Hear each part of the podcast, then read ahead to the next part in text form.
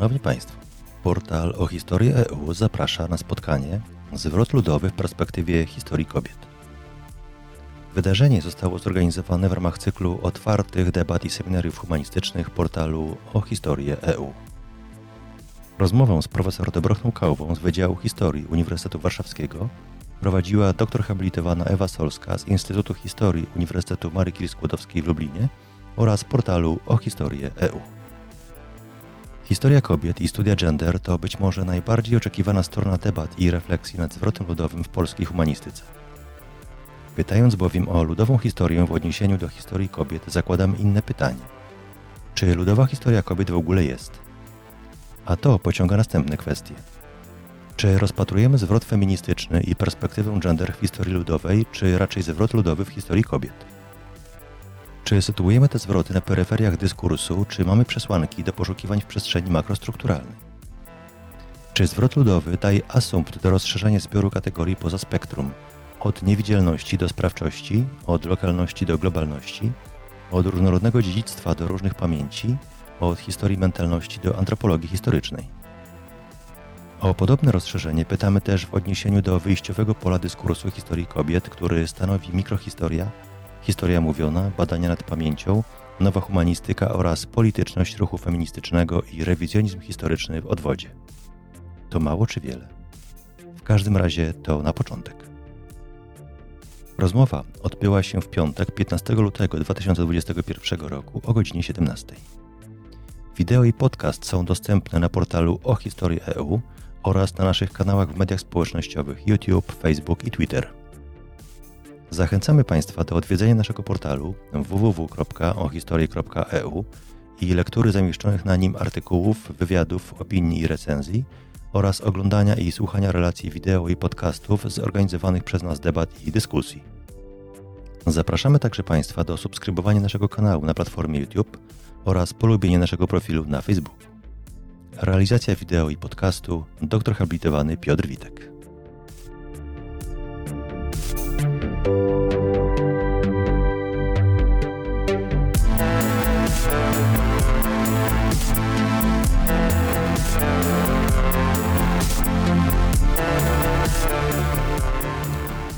Dzień dobry, witam y, Państwa na kolejnym spotkaniu organizowanym y, przez portal o historię EU w ramach cyklu otwartych demat i seminariów humanistycznych. Y, cyklu poświęconego zjawisku, które nazywamy już wstępnie zwrotem ludowym, w szczególności ludową historią Polski. Dzisiaj mam wielką przyjemność i satysfakcję przywitać panią profesor Dobrochnę-Kałwę, z mm, e, Uniwersytetu Warszawskiego. Od razu sprostuję pewien błąd, który wkradł się do zaproszenia. Mm, pani profesor jest mm, pracownikiem Wydziału Historii. Wydział Historii no, na fali e, reformy, ostatniej reformy nauki szkolnictwa wyższego e, został powołany we wrześniu ubiegłego roku. Natomiast błąd pojawił się dlatego, że strona Instytutu Historycznego nie została jeszcze zmieniona, a myśmy również korzystali mm, z biogramu pani profesor. Także przepraszamy oczywiście za to, za to i już sprostowanie zostało dokonane. Yy, rzecz następna. W zaproszeniu no, przedstawiałam panią profesor bardzo zdawkowo. Yy, usprawiedliwiam się tym, że Dobrokny kawy nie trzeba specjalnie przedstawiać. To jest, yy, mówiąc najkrócej, pionierka położę nacisk na to, y, refleksji metodologicznej nad y, historią kobiet w Polsce y, i historią gender. Oczywiście jest też historyczką, historyczką w, histor- w, ramach historii kobiet i w zasadzie od tego, od tego mm, wątku chciałabym naszą rozmowę zacząć. W jaki sposób pani profesor dochodziła mm, do, czy doszła do, do, do tej tematyki, czy do, do, do problematyki badawczej w ramach historii kobiet? Y, ale jeszcze dla porządku, y, krótko y, o sprawach organizacyjnych. My postaramy się mm, zmieścić naszą rozmowę w 60 minutach a później y, będziemy mm, przedstawiać Państwa pytania i y, refleksje, komentarze zawarte w czacie. Także te, te, dwie części, dwie części spotkania myślę, że, że y, wyczerpiemy. Postaram się wyczerpać wszystkie kwestie, które sobie zaplanowałyśmy na to mm, spotkanie. Pani profesor, zatem jak to się zaczęło? Tutaj pierwsze pytanie, ponieważ ono nam, nam mm, y, dobrze zarysuje kontekst, o który nam dzisiaj chodzi, a zatem historia kobiet i studia gender, którą no, traktujemy jako y, jedną z najbardziej oczekiwanych stron refleksji nad zwrotem ludowym w polskiej humanistyce. Czyli poproszę o, o pewien zarys genealogii badań nad historią kobiet. Mm, własnych, tak? Bo tak, własnych, własnych, jest, tak, oczywiście. Pani, pani badań tak nad się, historią kobiet, tak. Tak, jakoś tak się składa, że w ostatnim czasie e, z różnych, w różnych kontekstach muszę dokonywać takiej autorefleksji, czy refleksji autobiograficznej, Jestem tuż po spotkaniu dotyczącym historii mówionej, gdzie też się, pojawia, to się dzieje, że ktoś zajmuje się takimi rzeczami. Ja mam wrażenie, że takim głębokim e, fundamentem zajmowania się i historią kobiet, i historią gender, i historią mówioną, i metodologią również, e, to jest brak zainteresowania historią polityczną.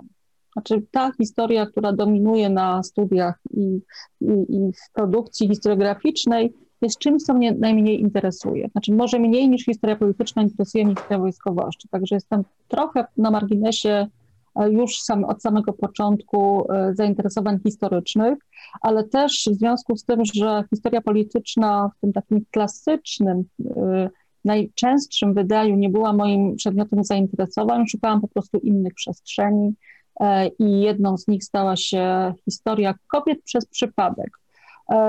Też tak się przez przypadek złożyło, że swoją pracę magisterską pisałam w gorącym okresie pierwszej debaty o karalności aborcji, a ponieważ e, dwudziestolecie międzywojenne zawsze było mi bliskie, było, byłam nim zainteresowana, stwierdziłam, to może przyjrzę się temu, temu co się działo. Oczywiście jak wszyscy, którzy, e, którzy zadają sobie później w kolejnych, przy okazji kolejnych debat na temat karalności aborcji trafiają na piekło kobiet Boja Żeleńskiego, E, przeczytałam i zaczęłam ten e, temat drążyć, choć bardziej interesowało mnie w tym wypadku także e, pytanie o to, jak swoje argumenty formułowała druga strona. I w ten sposób napisałam pracę magisterską, którą mój promotor, profesor Andrzej Falba, powiedział, że no, gdyby nie znał moich poglądów, to by się nie, do, nie domyślił, jakie mam.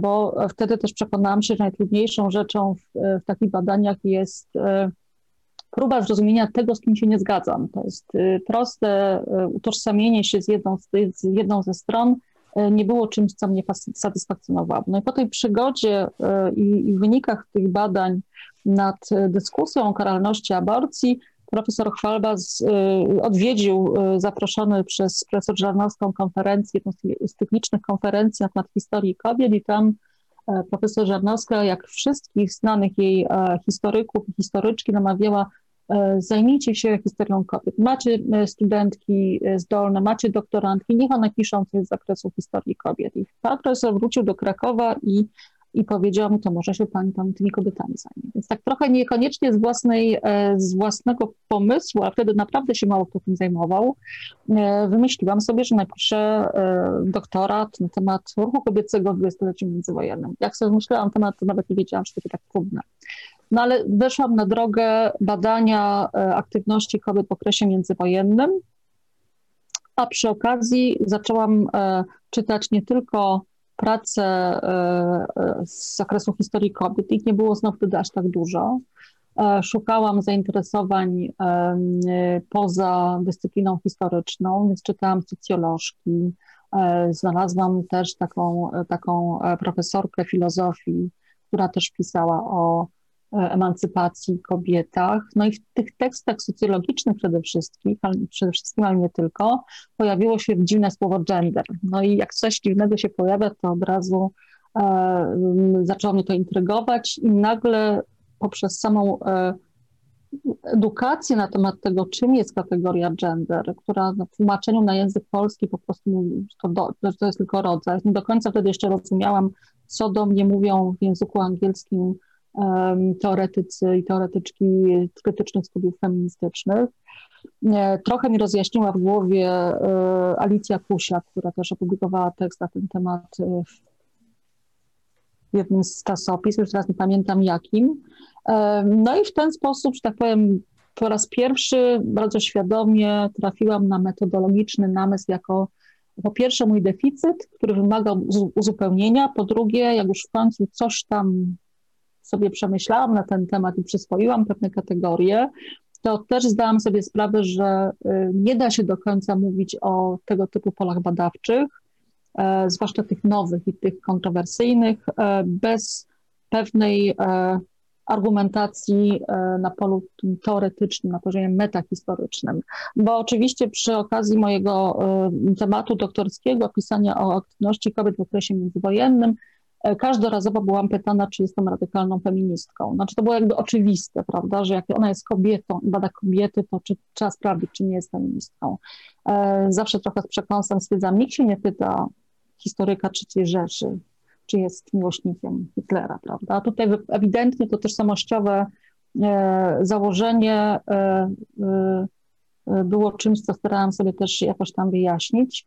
E, bo wtedy jeszcze byłam przekonana, że to historia musi być obiektywna, e, nie możemy się ze własnymi poglądami za bardzo ujawniać, ale też miałam e, poczucie niedosytu, że akurat w wypadku historii kobiet pojawia się ten rodzaj zarzutu, że jakoś nie spotykają się z nim właśnie badacze historii innych obszarów, innych tematów, czy że oni nie są jakoś tam ideologicznie skrzywieni. I zresztą to jest pewien pewien problem, z którym się borykała cała, cała grupa e, historyczek i historyków kobiet, zwłaszcza historyczek, które za wszelką cenę chciały w swoich tekstach powiedzieć, że są obiektywne i nic wspólnego z feminizmem nie mają. E, no ale właśnie lektura teoretycznych tekstów uświadomiła mi, że zupełnie inaczej myśli się o samej dyscyplinie w wielu krajach, że ta refleksja na temat tego, czym jest badanie historyczne, jak można je skonceptualizować, jakie są ramy teoretyczne, ale też ideologiczne, e, lokują historię, chyba nie tylko w Polsce, ale w całym regionie, w bardzo dziwnej, e, takiej, takim, zamkniętym ekosystemie, w którym wszyscy mówimy o tym, że chcemy badać prawdę. A na pytanie, jaką prawdę, mówimy oczywiście, że jest przez wielką literę, tak? No i to jest ta prawda przez wielkie P, e, zostaje nam jako główne wyjaśnienie, a mnie to po prostu nie, e, nie satysfakcjonowało. Druga rzecz, która mnie, to jest taka jakby, potrzebowałam teoretycznych podstaw, żeby e, wyjaśniać i usprawiedliwiać się, dlaczego zajmuję się historią kobiet. Druga rzecz to była kwestia dialogu i porozumienia na poziomie międzynarodowym. Tak się składa, że w tym czasie rośnie, znaczy w tym okresie po transformacji, koniec XX wieku, E, rośnie zainteresowanie e, badaczek z różnych krajów tym, co się dzieje w tym zamkniętym regionie Europy Środkowo-Wschodniej. E, I tam się pojawia takie poczucie deficytu, że my nic nie wiemy o kobietach i historii kobiet, historii gender w Europie, która nie jest objęta pojęciem Europy Zachodniej. Już dawno na, na rynku była no, taka już no, prawie że E, syntetyczna i podsumowująca e, pozycja, jaką jest historia kobiet w Europie Zachodniej, no ale ona się kończyła na, na linii Łaby i to było, e, to było wszystko, mimo tego, że sięgała także do epok wcześniejszych, a nie tylko do okresu, kiedy istniała żelazna kurtyna. I wtedy pojawiło się z bardzo różnych stron zainteresowanie badaczy zewnętrznych, znaczy nie, pol, nie, nie polskich, E, którzy rozszerzali e, środowisko zapraszanych na konferencje do publikacji różnego rodzaju, czy inicjatyw typu workshopy e, badaczek z naszego regionu. No i tak się, że tak powiem, pojawiłam także w obiegu międzynarodowym. Takim pierwszą, większą przygodą to była konferencja dotycząca udziału kobiet w radykalnych ruchach prawicowych w Europie, gdzie E, nie mając do końca, że tak powiem, pełnej wiedzy, e, przynajmniej starałam się mówić o tym, że ten ruch kobiecy istniał i to też było takie doświadczenie. Kontakt z zewnętrzem pokazywał mi też, w jaki sposób konstruowane są pytania, czego się oczekuje. I też okazywało się, że e, faktograficzne ustalenia to jest oczywiście bardzo istotne, ale znacznie większe zainteresowanie było pewnymi E, odpowiedziami typu interpretacja, znaczy myślenia o pewnych zjawiskach w kategoriach systemowych, czy no właśnie tych wzorcach kulturowych, które stają, stają w centrum namysłu historii gender. A poza tym jeszcze istniała we mnie taka ciągle obecna, jakby to powiedzieć, taki, no tak, jestem, że tak powiem, uwięziona w jednak myśleniu historycznym, bo się nagle okazało, że e, wiedzę o polskiej historii kobiet okresu przynajmniej XX wieku generują w tym obiegu międzynarodowym e, socjolożki, które funkcjonują, e, miały swoje kontakty w latach 80., 70., miałam bardzo często E, sytuacją, w której o e, historii kobiet w PRL-u czy wcześniejszym okresie piszą socjolożki proszone, żeby coś znalazły, bo one cały czas są w tych sieciach międzynarodowych his, history, e, socjologów, socjolożek i tam o przeszłości kobiet w Polsce piszą. I to jest bardzo specyficzny jednak rodzaj pisania i wyjaśniania, w związku z czym z czasem też historyczki zaczęły być E, ważny i poważany. Tutaj oczywiście największą zasługę to ma e, profesor Anna Żarnowska, która nie tylko sieciowała badaczki w Polsce, zwłaszcza tą, tworzyła sieć promotorów i promotorek, którzy by mogli w tym momencie e, popularyzować tematykę historii kobiet wśród młodszego pokolenia, ale także jej kontakty międzynarodowe i jej kontakty z badaczami, badaczkami w Niemczech, w Austrii, może w mniejszym stopniu w Stanach Zjednoczonych, ale jeżeli ktoś szukał e, środowiska polskiego, to szukał go przez e, Annę Żarnowską, e, znaną i, no i, że tak powiem, poważaną w środowisku. I to, to jest, tak powiem, był początek zajmowania się historią kobiet, historią gender. Do metodologii dotarłam przez sam fakt istnienia tego napięcia między namysłem genderowym i namysłem nad historią e, kobiet, które się od genderów odcina. To jest też coś, co obecnie ma nawet, powiedziałabym, e, większy, e, większy zasięg. Właściwie w tym momencie tworzą się dwa równoległe dyskursy naukowe.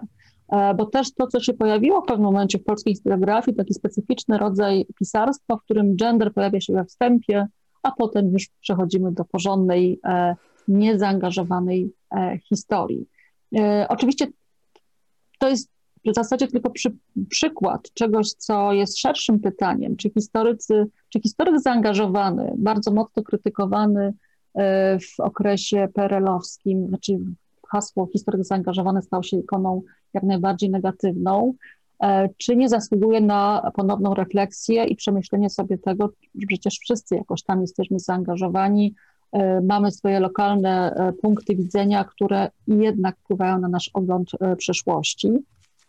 Ale takiej dyskusji nie było, podobnie zresztą jak wielu innych ważnych dyskusji metodologicznych, które mogły się rozwinąć w okresie Wielkiego Przełomu, a jednak do nich nie doszły. Takim deficytem, który do dzisiaj odczuwam i mam wrażenie, że wszyscy teraz się trochę borykamy z konsekwencjami, to brak wielkiej debaty samych historyków, praktykujących zresztą, bardziej o takich by chodziło, jak pisać o PRL-u, skoro im samym się wówczas e, z pewnością e, doświ- własne doświadczenie rozmijało z tym opisem, który był oferowany w historiografii.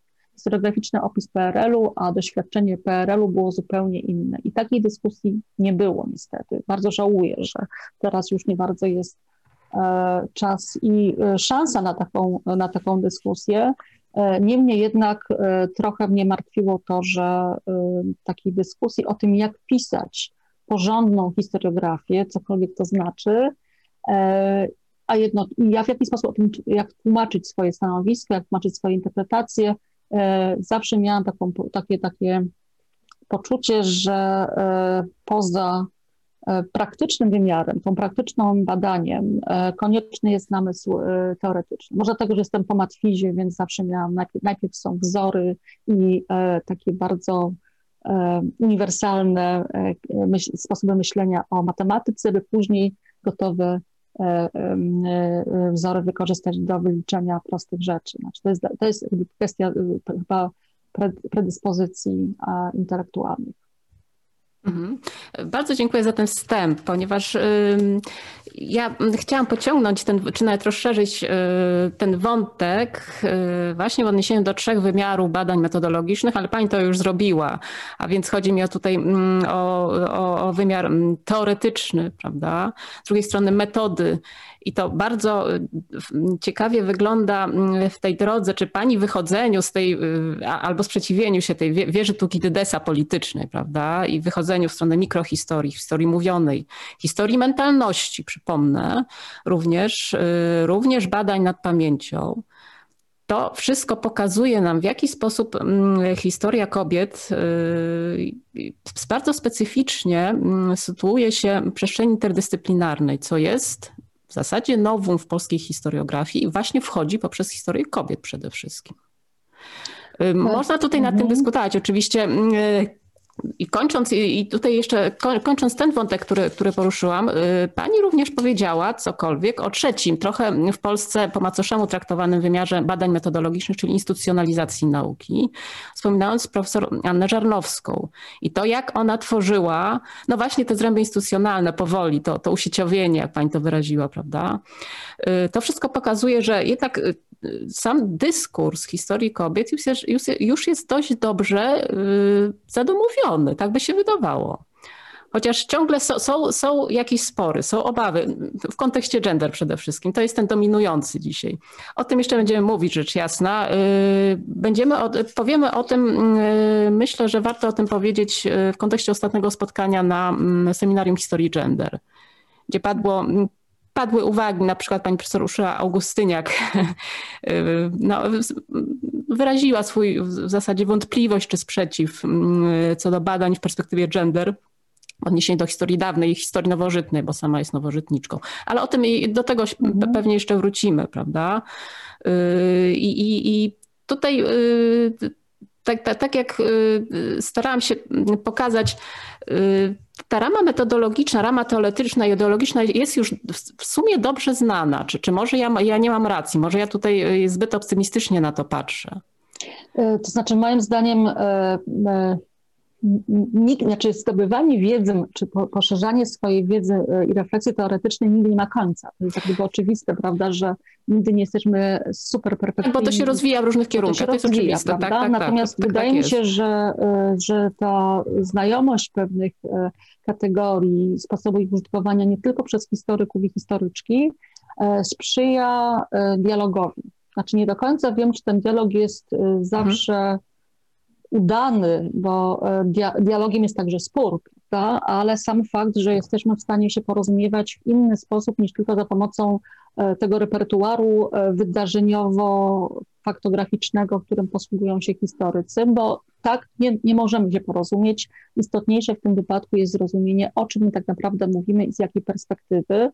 E, I pewnie z tego względu e, często, że tak powiem, jestem przywoływana przez moje koleżanki z Zachodu, bo to jest ta, która wie, o czym mówi. To jest takie, też do końca nie wiem, czy, do końca, czy wiem, co mówię, ale też e, pamiętam takie spięcia i napięcia, kiedy dochodziło do nawet nie, że niezrozumienia, ale mówienia w dwóch językach. Na jednym z seminariów cyklicznych spotkań Komisji Historii Kobiet na, e, przy Polskiej Akademii Nauk, na czele której stała profesor Anna Żarnowska, gdzie ja mówiłam o tym, że kategoria gender jest istotna, że musimy ją wprowadzać, że to jest, jeszcze wtedy myślałam, że to jest płeć społeczna, nie używałam pojęcia kulturowej.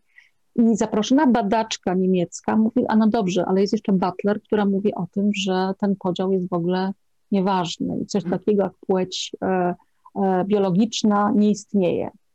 I coś mhm. takiego pada w gronie historyków, którzy nie mają pojęcia jeszcze o płci kulturowej. Było to, że tak powiem, widać było niemożność w ogóle porozumienia się i zrozumienia. Mhm. E, no, odruchowo wtedy było widać, że kwestia płci jest tak mocno w nas e, tożsamościowo ucieleśniona, że nie jesteśmy w stanie wyjść poza tę, tę ramę i pomyśleć o tych kategoriach trochę innych. Oczywiście to też jest pytanie, na ile niemożność e, e, myślenia w kategoriach teoretycznych jest także po prostu kwestią pewnej formacji, e, którą przeszło bardzo wielu historyków i historyczek, nie tylko w czasie PRL-u, to jest do dzisiaj, bez kursu filozofii, bez zajęć z zakresu teorii wiedzy, teorii nauki, czyli takich rzeczy, które przenoszą nas na po prostu poza własne wąskie poletko dyscypliny.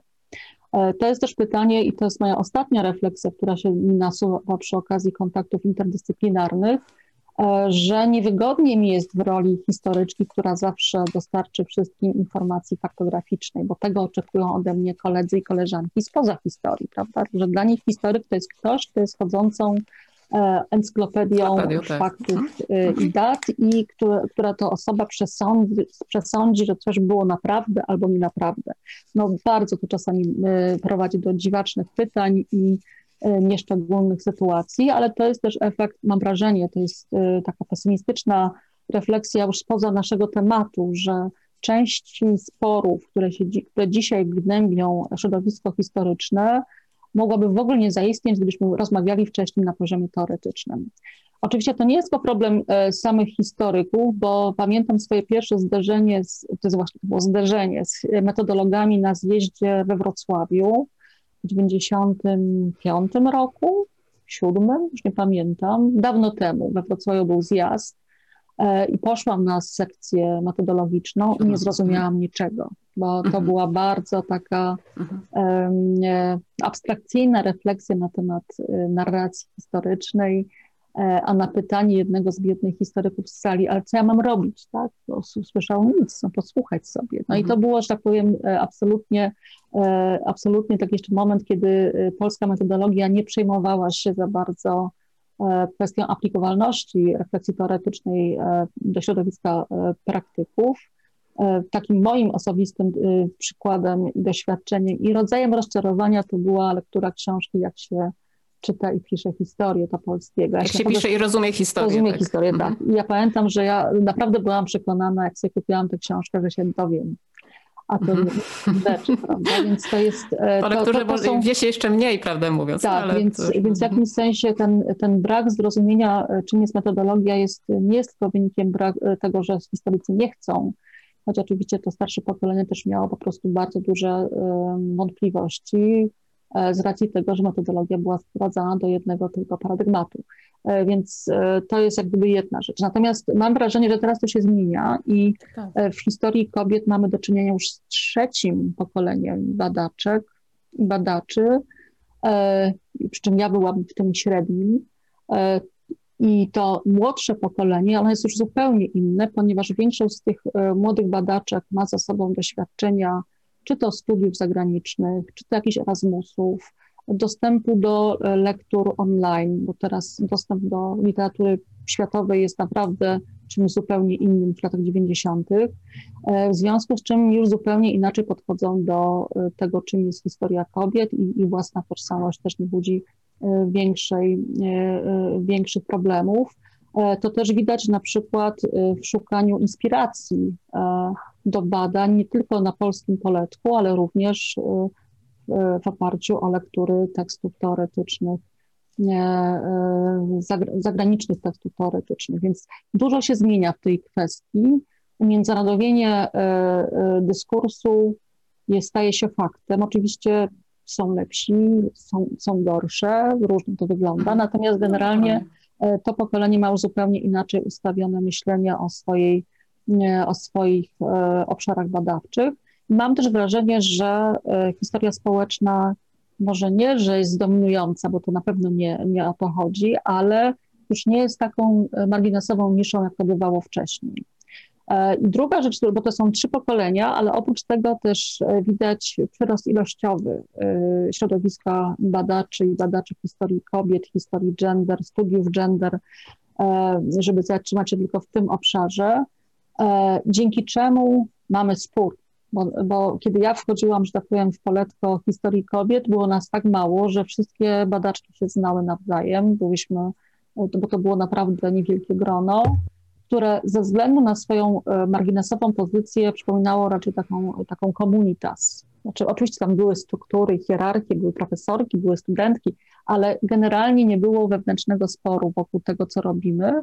Teraz już nie jest tak, e, tak jednoznacznie, co oczywiście z perspektywy rozwoju dyskursu jest super, dlatego że nie ma rozwoju nauki, jeżeli nie ma sporu, albo przynajmniej jednomyślność nie służy nauce, moim zdaniem, bo to yes, tworzy raczej yes. sekty wyznaniowe. Także teraz już jest bardziej to skomplikowane, tym bardziej, że też widzimy od dłuższego czasu wzrost zainteresowania przeszłością jako przedmiotem badań humanistów i humanistek spoza spoza środowiska historycznego. Tak jest. Przeszłością kobiet i przeszłością z perspektywy płci kulturowej e, zajmują się już nie tylko historycy i historyczki. Tak jest. Tak I to jest, to oczywiście też jest pewien problem dla mnie, ponieważ e, robią to w sposób zupełnie e, jakby niezgodny z warsztatem historii. Znaczy, przepraszam, że tak mówię, rzeczywiście jest ten problem, że w ramach badań kulturoznawczych czy, czy humanistyki takiej właśnie ogólnej E, znacznie łatwiej i szybciej powstaje ta wiedza o przeszłości, choć bardzo często jest ta wiedza uproszczona.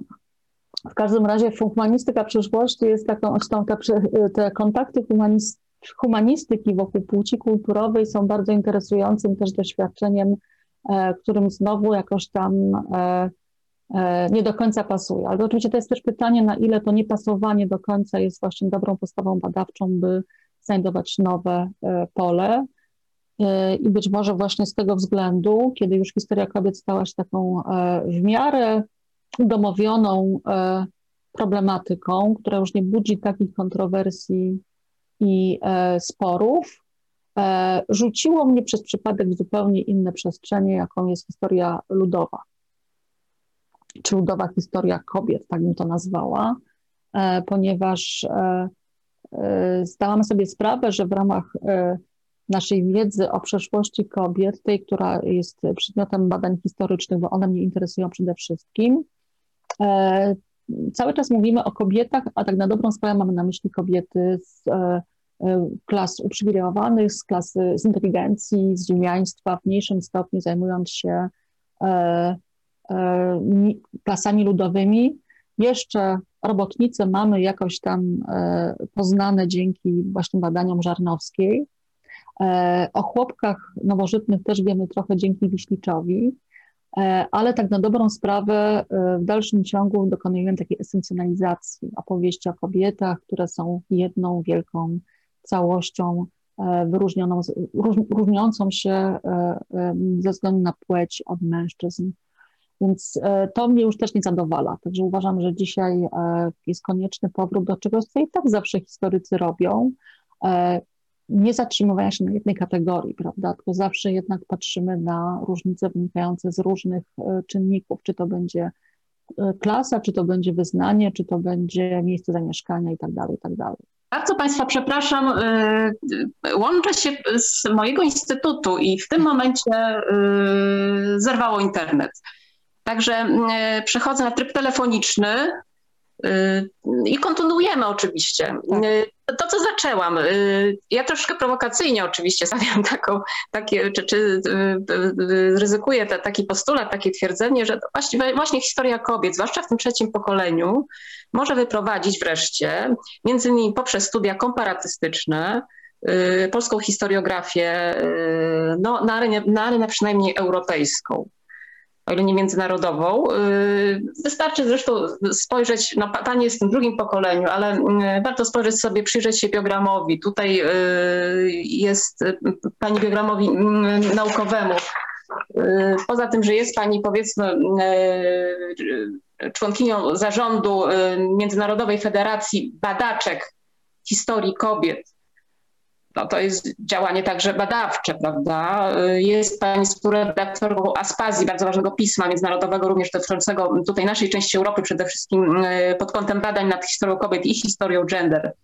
To e, granty badawcze, y, stypendia. To jest właśnie ten kierunek i w zasadzie mm, pani, mm, pani mm, biogram czy pani kariera badawcza jest pewną ściągawką, tak moglibyśmy powiedzieć, dla tego nowego pokolenia. I, ale ja kładę tutaj nacisk na to, że no, stawiamy na historię kobiet w tym momencie, jeżeli chodzi o tak. rozwój polskiej humanistyki, w szczególności historiografii, która wychodzi poza, wierzę tu w jak powiedziałam, z kanału historii politycznej. Tak, znaczy Mhm. to jest jeszcze przy okazji to e, funkcjonowanie w obiegu e, zachodnim, które nie jest tylko zresztą moim udziałem, bo tych, tych badaczek zajmujących się historią kobiet, czy historią, która uwzględnia kategorię płci jest całkiem sporo. I e, te osoby wiedzą, że dyskurs historiograficzny, ten powiedziałabym międzynarodowy, wygląda trochę inaczej i o proste opowieści o tym, jak było, to już nie, nie wystarcza, że tutaj trzeba jeszcze wejść w pewien dialog z innymi badaczami, badaczkami, e, odnieść się do ich propozycji, koncepcji wyjaśniających przeszłość, bo tu nie tylko o rekonstrukcję chodzi, ale właśnie o wyjaśnienie czy e, rodzaj argumentacji na rzecz pewnych tez. Więc w jakimś sensie e, historia współczesna podąża tą drogą, którą już dawno kroczą socjolo, soc, kroczy socjologia czy antropologia, e, gdzie sam opis etnograficzny to za mało, trzeba jeszcze w tym momencie e, zaproponować jakąś interpretację, prawda? Wyjaś, wyjaśnienie, dlaczego tak, a nie inaczej się działo, e, co w wypadku historii społecznej czy kulturowej e, oczywiście no, nie, nie może polegać na rekonstrukcji wydarzeń. Oczywiście takiej wiedzy też się od nas oczekuje za granicą. Jak powiedziałam, jedna z e, redaktorek e, Aspazji e, z takim, takim wezwaniem piszcie o tej historii Polski, bo my wiemy dzisiaj więcej o Rumunii czy Bułgarii niż o dziejach kobiet w Polsce, kraju, który był znacznie dłużej istniał, znacznie ciekawszą i bardziej skomplikowaną przeszłością, a tych prac jest po prostu za mało. Oczywiście y, to, y, to nie jest tak, że, że historyczek kobiet w Bułgarii czy Rumunii jest więcej, to jest kwestia publikowa publikowania za granicą i upowszechniania tej wiedzy, która już jest udziałem e, polskiego środowiska, żeby się nie zamykać z tym. Oczywiście drugą rzeczą to jest kwestia e, komparatystyki, ale w wypadku historii regionu Europy Środkowo-Wschodniej jest to szalenie skomplikowane, ponieważ no mówimy w różnych językach i taka, taka da się dokonać komparatystyki na, na poparciu o literaturę przedmiotu, ale nie wyobrażam sobie żadnej badaczki, która byłaby w stanie ogarnąć e, lokalne e, zjawiska we wszystkich możliwych e, No. językach w tym regionie. Ich jest po prostu za dużo. Może byłoby łatwiej, gdyby nie Węgry i Albania, E, które no po prostu nie, to nie są języki słowiańskie zaczyna się znowu, e, znowu problem. Być może e, dlatego też łatwiej bada się komparatystycznie dzieje średniowieczne ze względu na no, tą lingua franca łacińską, prawda? I, ale to też tylko daje do, dostęp do części społeczeństwa, a nie do kobiet wiejskich, które są najbardziej liczącą i niewidoczną grupą jaką sobie można wymyśleć. Oczywiście jest ich więcej, ale ta jest taka bardzo wyraźna, że mimo, mimo liczeb, liczebnej, um, liczebnego znaczenia są nieobecne w naszym myśleniu o przyszłości. Mhm. I tak trafiłam tak. na chłopki, jako taki rodzaj też. A no właśnie. Mówiłam Nie. o tym, że przestało mnie zadowalać pisanie ciągle o kobiecie. Piszę kobieta, mam na myśli inteligentkę E, Kobiety uprzywilejowane, warstwo uprzywilejowane, tak, tak. tak. tak. No tak, czyli, czyli e, pani profesor mówi o zwrocie ludowym. Powoli tak. o zwrocie ludowym, bo tak, i, i przechodzimy w takim razie do, do, do, tej części, o którą nam dzisiaj chodzi w tej rozmowie, czyli mm, historia ludowa, jak na nią patrzą historyczki kobiet, czy historia kobiet, prawda? E, historia ludowa w odniesieniu do historii kobiet, żeby, żeby już było bardziej poprawnie. Mm, czym jest, czy jest i ja mam tutaj y, jedno pytanie, które też może będzie trochę prowokacyjne. Dlaczego zwrot ludowy w polskiej historiografii albo szerzej w polskiej humanistyce nie zainicjowała historia kobiet? Wydawałoby się, że to naturalny dyskurs dla takiego zwrotu, ze względu na przykład na kategorię podporządkowania i kategorię oporu. Znaczy ja mam wrażenie, proszę, zauwa proszę zauważyć, mhm. tak, proszę zauważyć, że w Polsce, pomijając Leszczyńskiego, który napisał książkę popularno-naukową, to nie jest e, poważne studium, e, e, mhm. które coś nowego wnosi. Poza tym jest pytanie, czy to jest na pewno ludowa historia Polski, a nie historia ucisku wobec ludu. To są dwie różne rzeczy. Natomiast e, e, ten, ten zwrot ludowy się dzieje przede wszystkim w antropologii i socjologii. E, nie bez racji też takie wielkie pytania i nie do końca wielkie odpowiedzi, które były ważne dla polskiej humanistyki, zadał Jan Sowa i Andrzej Leder, ponieważ my historycy jesteśmy bardzo mocno ograniczeni tą warsztatem, tak? My nie jesteśmy w stanie wymyślać, znaczy wymyślać to możemy pytania badawcze i pewne obszary badań, wielkie pytania, ale potem zaraz się, pojawia się pytanie, jak zoperacjonalizować, jak to wszystko e, zrobić, by znaleźć w źródłach odpowiedzi. Mhm. I to nie może być jedno źródło. To nie może być, a przy okazji jeszcze historycy mają e, bardzo jasną i wyraźną samoświadomość, że e, źródła są czymś innym niż literatura przedmiotu. Historiografia jest czymś innym niż źródło historyczne.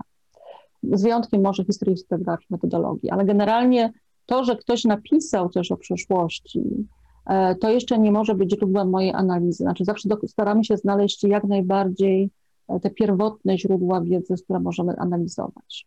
I to, to dobrym przykładem jest książka Jana Sowy, który całą swoją refleksję opiera na podstawie historiografii, e, polskiej historiografii, która powstała w latach 60., 70., 80. To same źródła nie sięga, bo ich nie zna, bo nie jest w stanie z nimi pracować. E, ktokolwiek widział e, nowożytny, nowożytny rękopis wie, że to już tylko naprawdę specjalista e, z epoki jest w stanie odczytać. Także my jesteśmy przykuci do źródeł. I pierwsze pytanie, to samo się działo z historią kobiet w Polsce, nie tylko w Polsce. OK, potrzebujemy znaleźć informacje o kobietach i stworzyć, uzupełnić ten, ten brakującą, brakujący obszar wiedzy o przeszłości dotyczący kobiet. Pierwsze pytanie to było o źródła gdzie my tę wiedzę znajdziemy. E, poszukiwania są bardzo specyficzne, ponieważ to, to są źródła e, raczej nie te z pierwszego e, wyboru historyków, prawda? No i drugi problem, który pojawił się na początku historii kobiet, że większość tych źródeł powstających w okresie no, aż po XIX wiek wyszło spod pióra mężczyzn. Czyli to jest pytanie, jak znaleźć głos kobiet który będzie zawarty w źródłach. I oczywiście to jest, z tego też względu oczywistą grupą najbardziej przebadaną przez historię kobiet to, jest, to są elity piszące, które zostawiły mhm. po sobie ślad w postaci tekstów dających się analizować. E, y, to jest po prostu pytanie, czy rzeczywiście możemy zawierzać e, e, opisowi życia chłopa polskiego, który wychodzi spod pióra szlachcica, który go lał. No można trochę, ale ciekawsze byłoby, co ten chłop e, miał wtedy w głowie i jak on e, reaguje. W tym sensie historia ludowa jest e, ciągle waż, jest ważnym, ale ciągle takim nie do końca spełnionym postulatem w badaniach historii Polski. Choć też warto pamiętać, że jeśli chodzi o ludową historię Polski, to mamy bardzo dużo badań zrobionych no, w, tej, w okresie tej niechwalebnej epoki perelowskiej, gdzie klasy ludowe były przedmiotem zainteresowania historyków. Więc e, w wypadku kobiet to jest bardzo, bardzo trudne, ponieważ e, już no, można czytać prasę kobiecą, która pisze o, e, o takich szczęśliwych i pracowitych gospodyniach wiejskich, ale to jest opowieść inteligentek, które jadą na wieś i narzekają, że na spotkania dotyczące higieny albo te wieśniaczki nie przychodzą, a jak przychodzą, to milczą. To jest, to jest jedno ze źródeł tak właśnie sformułowane, y, sformułowało rodzaj rozczarowania aktywistek, które pracowały na rzecz y, no, niesienia wiedzy higienicznej y, na wieś międzywojenną. Ja nawet próbowałam znaleźć, znaczy nie były to poszukiwania bardzo skomplikowane i dogłębne, raczej się zniechęciłam, szukać zapisu głosów kobiet w E, dokumentach związanych z procesami, ale tam bardzo często znowu mówi adwokat, który formułuje na piśmie zgodnie ze swoim językiem, swoją narracją pewne, e, pewne, znaczy pewne kwestie, które są potem przedmiotem e, prawniczych przygód. Także naprawdę trudno jest znaleźć. Oczywiście policyjne, jak zwykle policyjne dokumenty są tym, co historycy, mikrohistorycy kochają najbardziej. Mikrohistorycy, tak jest tak, bo tam to można znaleźć, ale też to coś, co zauważyła Barbara Chliwczewska w swoim świetnym tekście o Marii z Podbochni, e, że ten, ten, ten, te raporty policyjne też są pisane przez, przez funkcjonariuszy, tak? To milicjant siada i zapisuje wyznanie e, bohaterki. W Polsce jest pod tym względem trochę lepiej, jeśli chodzi o XX wiek, e, dzięki e, konkursom pamiętnikarskim. To jest ostatnio bardzo modne i rozchwytywane źródło przez badaczy i badaczki XX wieku, E, bo jeśli szukamy argumentu na rzecz emancypacji kobiet w PRL-u, to to są właśnie pamiętniki. Jest ich bardzo, bardzo dużo. Wiele z nich pochodzi spod e, pióra kobiet, bardzo prostych często e, i nie piszących nieskładnie, które też piszą i odpowiadają na wezwania w konkursach pamiętnikarskich. One są też przedmiotem teraz analizy i interpretacji ze strony badaczek literatury, i także po części historycznej.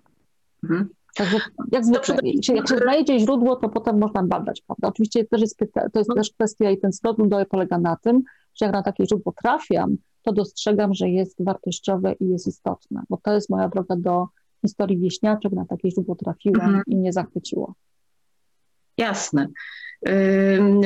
Zanim zadam pytanie kolejne, mam pytanie do naszego moderatora.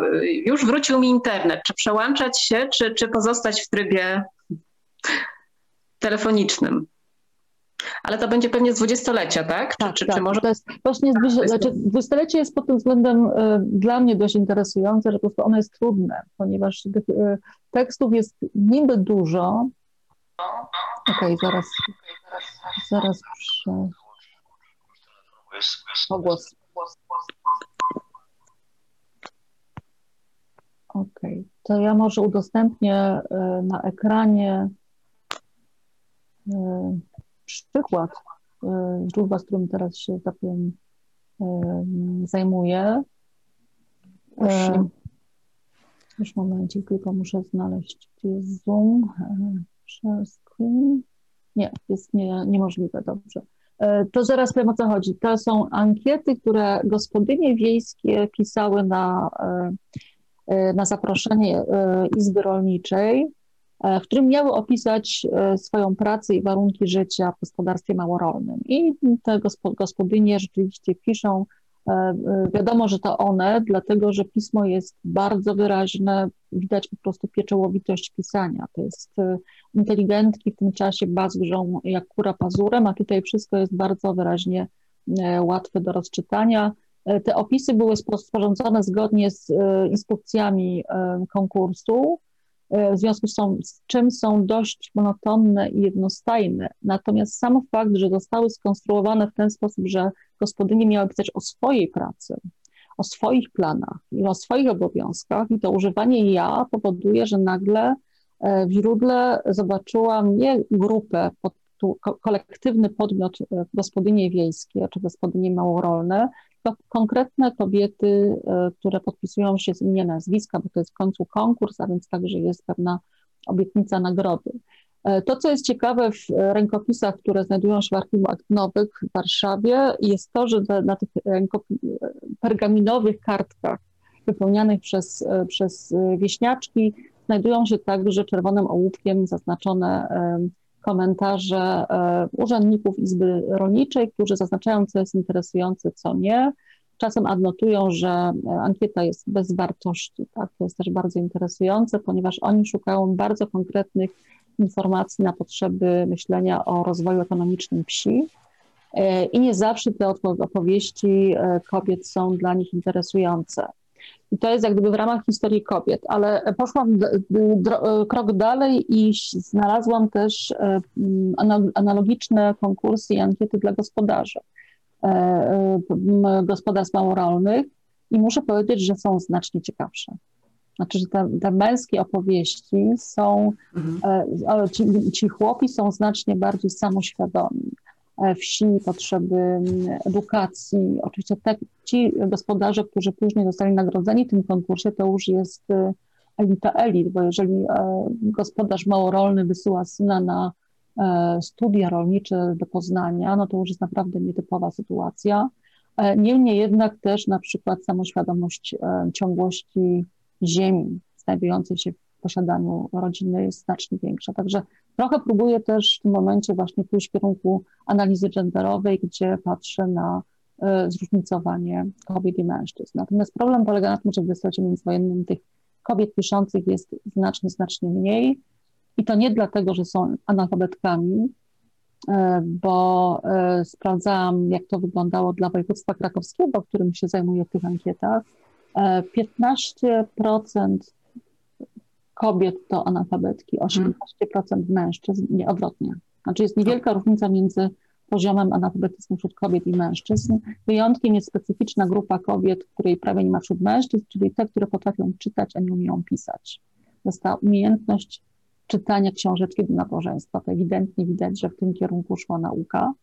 E, więc to nie była kwestia tego, że nie są w stanie pisać. Galicja już w tym czasie e, w międzywojennego przechodzi przez normalny kurs szkolny, ale raczej takiego właśnie kulturowego wzorca, że kobiety po prostu Otóż takich to. rzeczy nie piszą.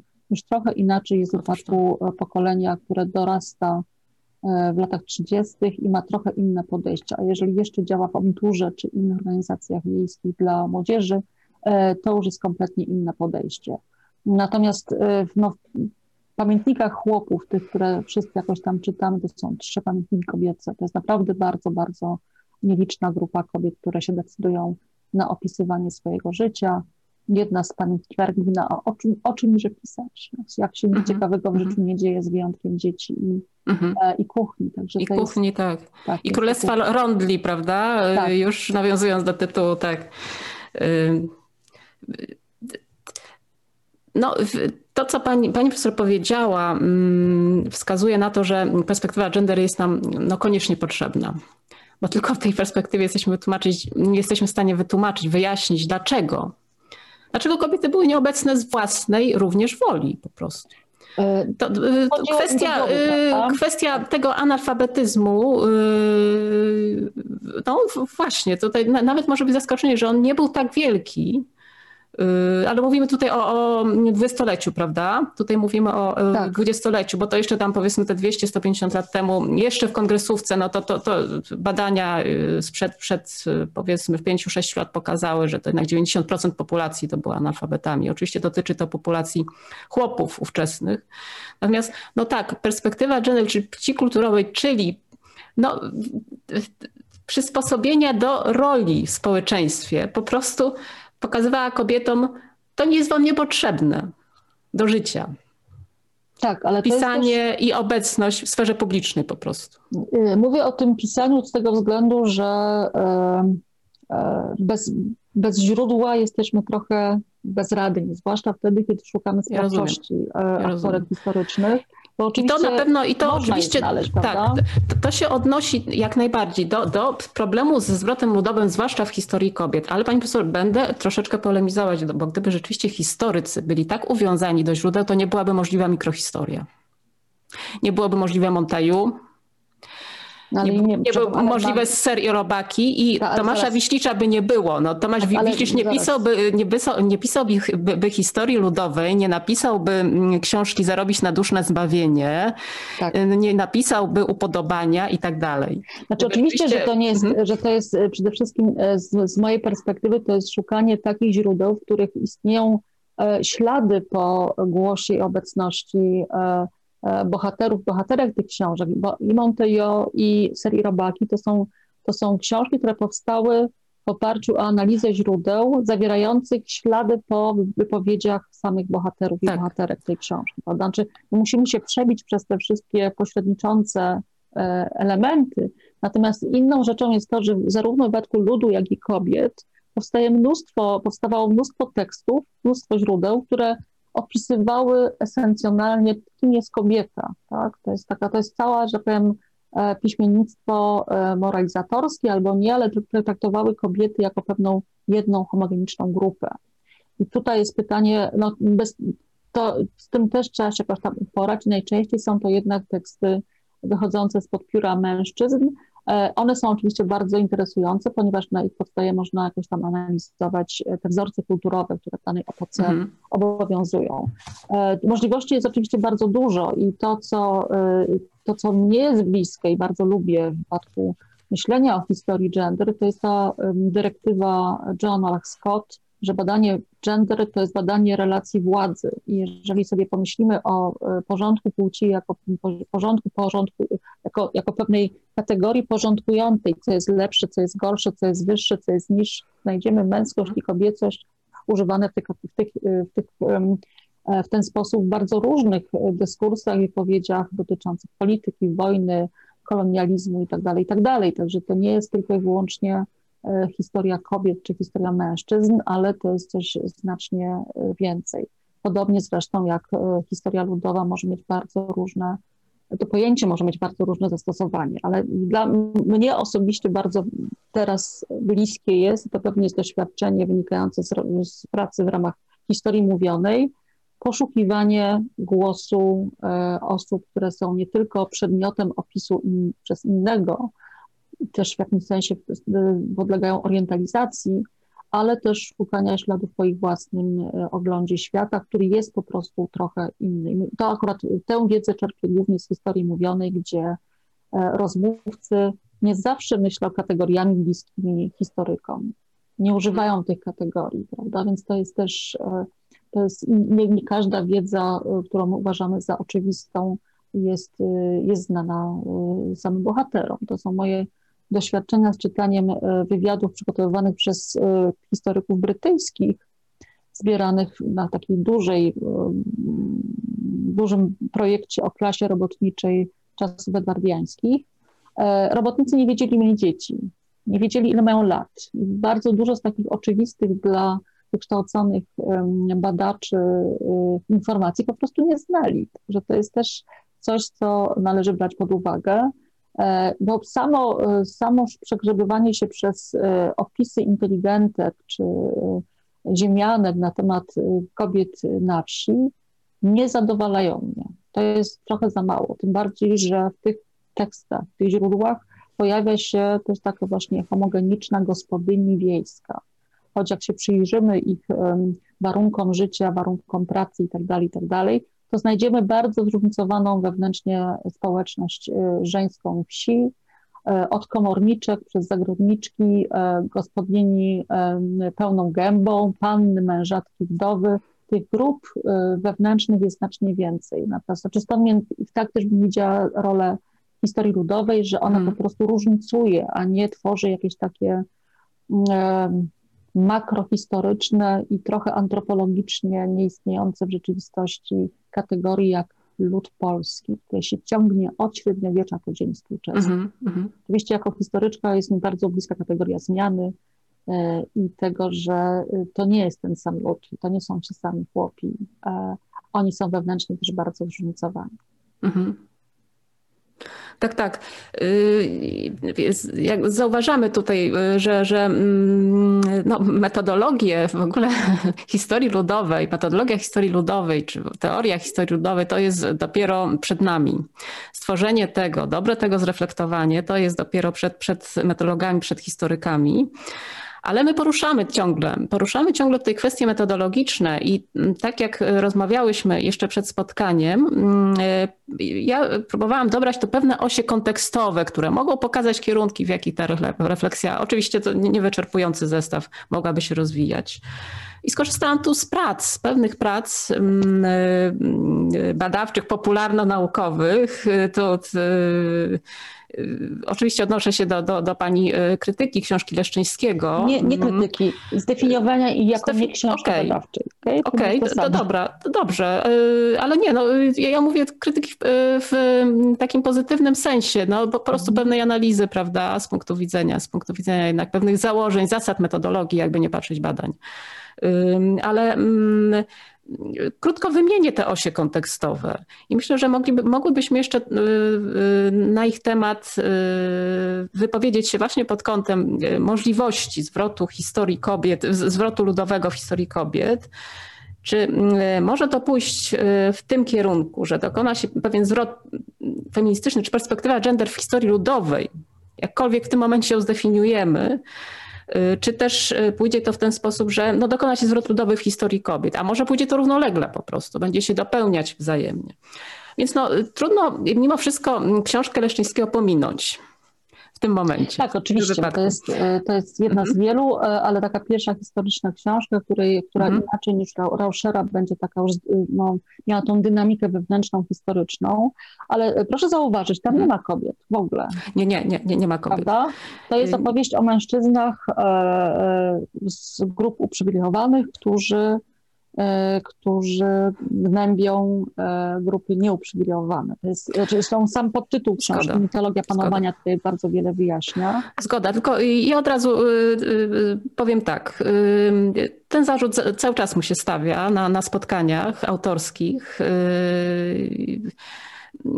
Nie zgadzam się z nim, muszę powiedzieć, bo dlaczego historyczki kobiet mają się wyręczać Leszczyńskim i bez jakiego powodu, to jest pytanie. E, nie chodzi o, e, e, nie chodzi o wyręczanie się, ale mhm. chodzi o to, by, ponieważ Leszczyński dokonał całą swoją książkę oparł nie tylko na stanie badań, ale także dokonywał własnych eksploracji źródłowych, szukał przypadków, szukał przykładów. Nie sięgnął po to, które dotyczyły na przykład żwawych gospodyń, które gdzieś tam mhm. robią albo są przedmiotem wyzysku. One się w ogóle nie pojawiają. To, jest, to nie chodzi o to, że że my się mamy w nim wyręczać, tylko że e, Adam Leszczyński tego pytania w ogóle nie postawił. Mhm. Oczywiście to jest, to jest pierwsza książka i ona ma wiele tam jest, że tak powiem, wątpliwości. To jest w ogóle pytanie, czy jeden historyk jest w stanie napisać naprawdę solidne dzieło, które sięga od średniowiecza po współczesność. Za pierwszym razem na pewno nie. Właśnie, Przykład Zina pokazuje tak, to bardzo dobrze. Dlatego, dlatego też mówię o tej książce raczej jako popularyzacji pewnego, pewnych perspektyw, y, zaznaczenia pewnego pola, które i tak wymaga uzupełnienia, ponieważ to, czego w tej e, książce na przykład nie ma, to jest coś, co chyba jest istotną kategorią, którą należy w historii ludowej rozwijać, e, to jest negocjacja, negocjowanie, które jest już e, praktyką dostępną dwóm stronom, bo jednak mm. jeżeli piszemy historię ludową E, opowiadającą o opresji, to wtedy sprowadzamy e, lud do pasywnej ofiary sprawczych oprawców, tak? Więc to, a ja się z tym nie do końca zgadzam, mhm, bo to jest uprzedmiotawianie, które odbiera podmiotowość grupie opisywanej, podczas gdy wiemy, że to jest bardziej złożone i mamy na to źródła i są badania o tym, w jaki sposób chłopi negocjują. To nie jest to kwestia oporu i kwestia no, sprawowego szeli, ale to jest sposobu, w jaki oni na przykład migają się w pewnej pracy. O tym trochę Adam Leszczyński pisze, ale takich e, zabiegów jest znacznie więcej. Czy coś, co zrobił... On, on chyba o tym pisze i, i o, o, zbiegostwie i, i tak. znaczy on idzie, tutaj mi się upiera jednak, że on to mimo wszystko rozwija, mm, ale idąc tropem Jamesa C. Scotta, który jako opór, czyli resistance, prawda, dotaktuje wszelkie formy Y, nawet te niewidoczne, y, Scott, nie pamiętam jak on to nazywał, ale sub, subtranskrypcja czy transkrypcja ukryta pe pewnych, pewnych ukrytych tak, form, ale... które są nie, niewidoczne dla tych, którzy piszą historię z punktu widzenia grupy uprzywilejowanych tak, no, i, i nie rozpoznają pytanie, tego oczywiście. Tylko mhm. teraz jest pytanie, jak mamy do tego dotrzeć, skoro w źródłach nie ma potem śladu, prawda? To znaczy możemy napisać, ja, ja mam wątpliwości, jak to zrobić, żeby nie uprzedmiotować e, ludu, który chce upodmiotowić. To jest jakby ten cały czas problem, czy przypadkiem więcej szkody w tym nie czynię, niż bym chciała. I to jest też pytanie o feministyczną analizę dziejów kobiet wiejskich, które w większości są konserwatywne, religijne, co nie znaczy, że też nie mają swoich własnych poglądów na temat księży, bo to jest mhm. bardzo często głęboka religijność połączona z, y, y, z, z antyklerykalizmem. Tak? To jest, nic tak dobrze nie robi na antyklerykalizm, jak zły proboszcz. E, takich, e, to jest pytanie, jak wytropić tę e, podmiotową sprawczość i decyzyjność ludzi w przeszłości. Trochę, znaczy trochę, bardzo dobrym przykładem to jest, to jest książka Wiślicza o upodobaniu, upodobanie, które opisuje rodzaj relacji emocjonalnych między e, kobietą i mężczyzną na wsi w czasach nowożytnych, e, pokazując, że nawet nazwanie tych, tych relacji wymaga odrębnego języka, bo to nie jest ani miłość, ani to jest coś dziwnego, prawda? Więc my się też jeszcze borykamy dodatkowo z ograniczeniami językowymi, także to jest Wiem, z czego wynika to szukanie oporu, ale to, czy to nie jest przypadkiem też taki rodzaj E, elita, e, jak powiedzieć, wyjść, punktem wyjścia jest elitarne założenie, że o podmiotowości świadczy opór. Jeśli ktoś się stawia, to jest podmiotem. Mm. Jeśli ktoś się nie mhm. stawia, to nie jest podmiotem. Więc ja mam pewne problemy z, z tą kategorią. Bliższa mi jest kategoria Alfa mhm. samowola, Eigensinn, która pokazuje, że można gdyby zachowywać pewną sprawczość, pewną podmiotowość, niekoniecznie stawiając opór, więc to jest to wyraźny opór, czy jakby zachowując także, niekoniecznie myśląc o tym, żeby się opierać, prawda, tylko raczej e, osiągać swoje własne e, cele. I to mi się też, tym bardziej to mi się kojarzy z kobietami na wsi, nie tylko na wsi, ale to, to jest widoczne w tych, e, w tych materiałach, które ja analizowałam. To jest rodzaj zewnętrznego podporządkowania, za którym idzie jednak poczucie podmiotowości w pewnych obszarach, e, gdzie sprawczość kobiet jest realna i jest obudowana, znaczy ma fasadę podległości. Mhm, e, mhm. Więc to jest też pytanie, na ile, bo jak rozumiem, Adam Leszczyński głównie jakby skłania się ku kategoriom marksistowskim w swojej analizie historii ludowej, nie wiem, czy to jednak nie, jednak to subaltern studies nie jest przyda bardziej przydatny do analizy. A ja miałam wrażenie, że y, bo jemu stawiano to pytanie, prawda? I to z, z punktem wyjścia w pojęciu wyzysku, prawda? Mhm. Mi się wydaje, że on tu idzie bardziej jednak subaltern studies i tropem Jamesa Scotta, jednak te, tego Jamesa C. Scotta. Jego mhm. E, Weapon of uh, Weak, tak, Domination tak. and the Art of Resistance, no, no i, no i tej, tej koncepcji ekonomii moralnej, tak czy inaczej, Jamesa C. Scotta. I, i no, wprawdzie no, Leszczyński Mhm. Tak, to jest historia ekonomiczna, ekonomiczno-polityczna i tutaj, że ja się nie boję marksizmu, prawda, czy, czy takiego podejścia neomarksistowskiego powiedzmy.